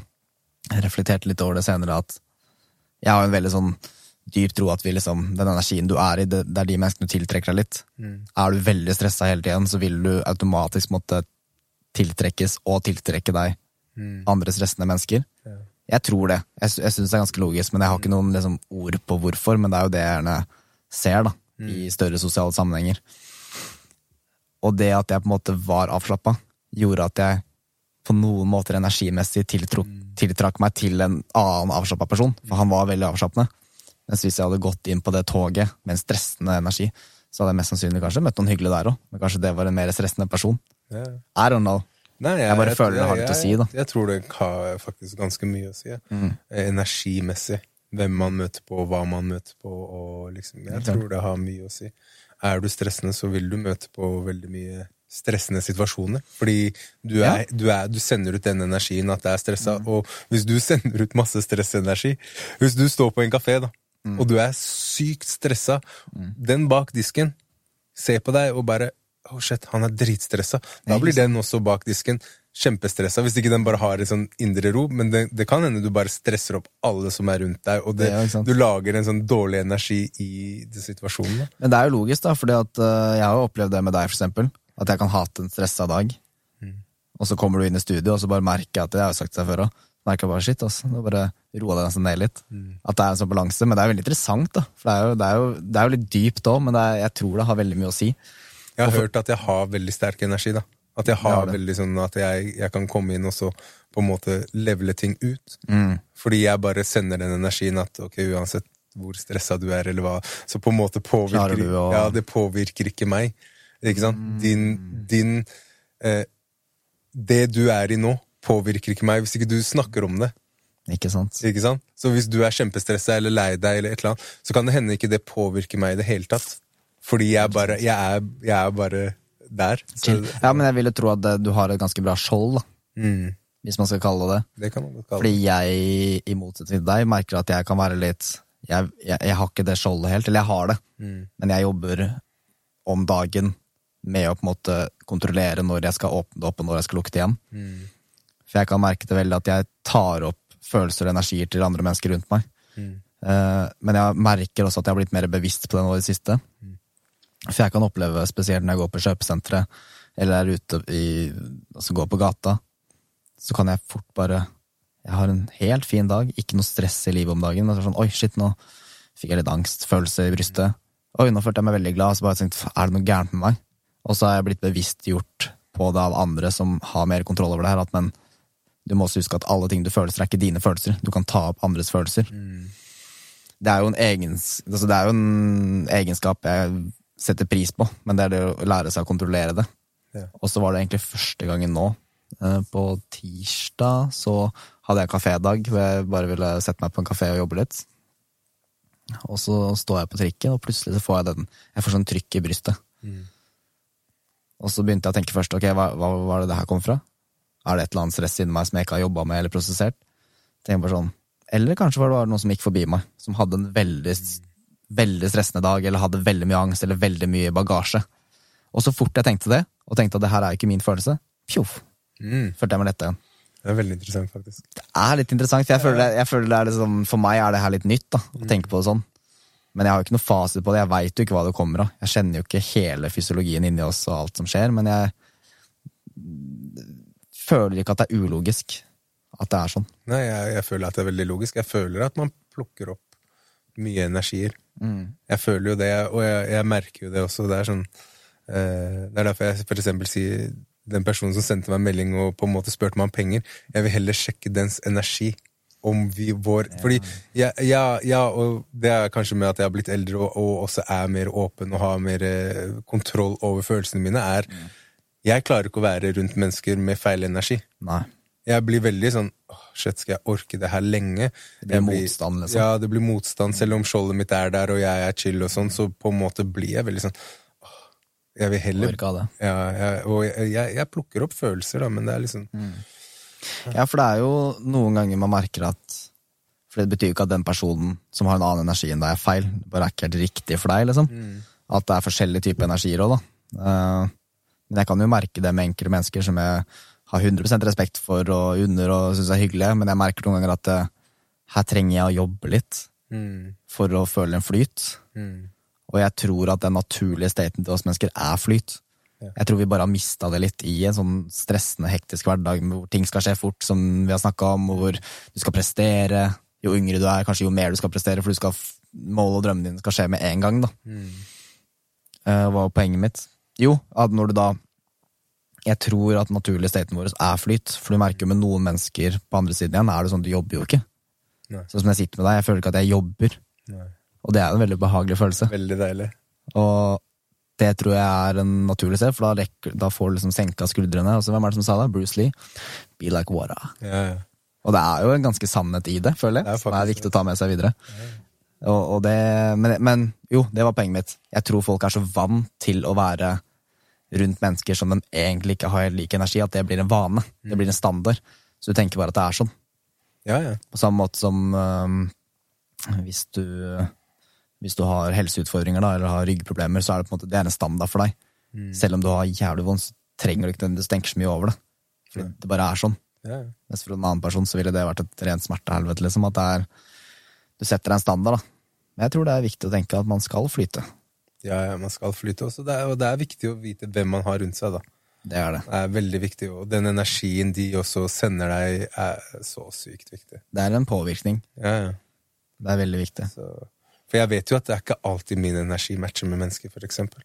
Og jeg har, blitt, jeg har liksom følt at det er greit. Jeg har liksom tenkt for meg sjøl at ja, men du skal ikke passe med alle mennesker, fordi man kan lage fake energi. Man kan på en måte lage energi for å passe inn i hvilken som helst crowd, men ha, det, har jeg lyst til å passe inn i alle crowds? Ikke sant? Ikke sant? Så det er, det er liksom Når har du følt at du ble liksom bevisst over sånne type ting? eh, Har det alltid vært sånn, eller er det som Nei, det har ikke alltid vært sånn. Så jeg har jo vært uh, litt Jeg har jo vært overalt i, i livet, liksom. Så, Ja, det, ja. så det har jo vært veldig mange ganger jeg har prøvd å uh, være Eller man, når man eh, liksom Man lever jo av å på en måte forandre seg hele tiden. Mm. Og jeg tror med alder så blir man også visere på hvem man er. Ikke sant? Så man på en måte begynner å ikke bry seg så mye. Og på en måte tenke at ja, men jeg er sånn, og så begynner du å bli vant til din egen energi, da, og de som er rundt deg, og du begynner å se at ok, er den personen her bra for meg, er det her bra for meg, og du begynner å se litt eh, se, uh, seriøsiteten i ting, da. Ikke sant? Uh, og så, ja, det, Jeg tror du man bare lærer det med livet. Det er sant. Ja, Ja, for for det er som du sier, og jo mer Jo eldre du blir og, Eller det er vel ikke alle som blir eldre og på en måte blir mer seg selv. Det er jo sikkert både og. Ja, ja, det, Eh, men jeg føler at for hver gang du endrer deg, eller er noen nye ting, så kommer du egentlig bare nærmere deg selv. mm, Og det syns jeg er litt sånn interessant òg, at du blir født, og så er du, du er deg selv. Men jo eldre du blir, jo nærmere skal du komme den du er. ja. Og den der eh, reisen der, da, den er veldig inspirerende for meg, i hvert fall. I, I mitt liv. At jeg på en måte prøvet nye ting. Nei, det der var ikke helt meg. Mm. Prøvet en annen ting. Oi, der var det en side ved meg som jeg ikke visste at jeg hadde. Ja. Og så på en måte komme, For jeg tenker at jo mer du er i deg selv, jo lettere blir jo livet å håndtere. Mm. Fordi jo mer du er deg selv, jo mer vil du uh, tiltrekkes på mennesker. Og det motiverer, motiverer deg enda mer òg, ikke sant. Det å slippe å føle at man er på jobb, da, men egentlig bare eksisterer. Ja. Flyter, liksom. ja, det er veldig deilig. Fint. Det er veldig fint. Det er veldig fint. Eh, vi har snakka i eh, snart to timer. Igjen? Igjen, altså. Det går fort. Det går to timer går bare Ja, det er jo én time og 50 min, da. Ok. Men eh, er det noen andre ting du har på hjertet i dag, eller føler du at vi begynner å ha fått lufta litt? jeg føler at vi har fått lufta Ja. nok. Setter veldig pris på samtalene våre, Pål. Ja, ja, Eh, Jeg lærer mye av deg. Jeg blir eh, veldig inspirert. samme. Gleder meg til å gå gjennom eh, en runde, ikke bare for å høre på hva du sier, men høre etter hvordan jeg kan forbedre meg i mine kommunikasjonsfremgangsmåter, hvis jeg skal kalle det det. Ja, det, det blir spennende. Jeg liker det. Jeg gleder meg til å høre det her. Ja. Jeg har glemt halvparten vi har snakka om. Ja, men det, det, det, syns jeg er interessant. Det er sånn etter en uh, ca. to timers prat. da. Sånn, jeg, jeg har ikke peiling på hva vi har pratet om, Bare, men det er en flyt, ikke sant? Og da tenker man ikke like mye. Håper du som lytter har en uh, fin dag, og husker å senke skuldrene. Ikke stresse. Uh, reflektere. Ta pauser. Er det noen, har du noen andre ting du vil gi tips til andre? Du har gitt mye gjennom episodene. De får høre episoden. De får høre episoden. Kanskje høre den igjen. Hør Kanskje den flere igjen. Hør den flere ganger. Det Hør på første, og hør på hele den sanne Hør podden. på hele, hele driten. Mye bra perspektiv. Takk for oss. Ha det bra. Vi snakkes.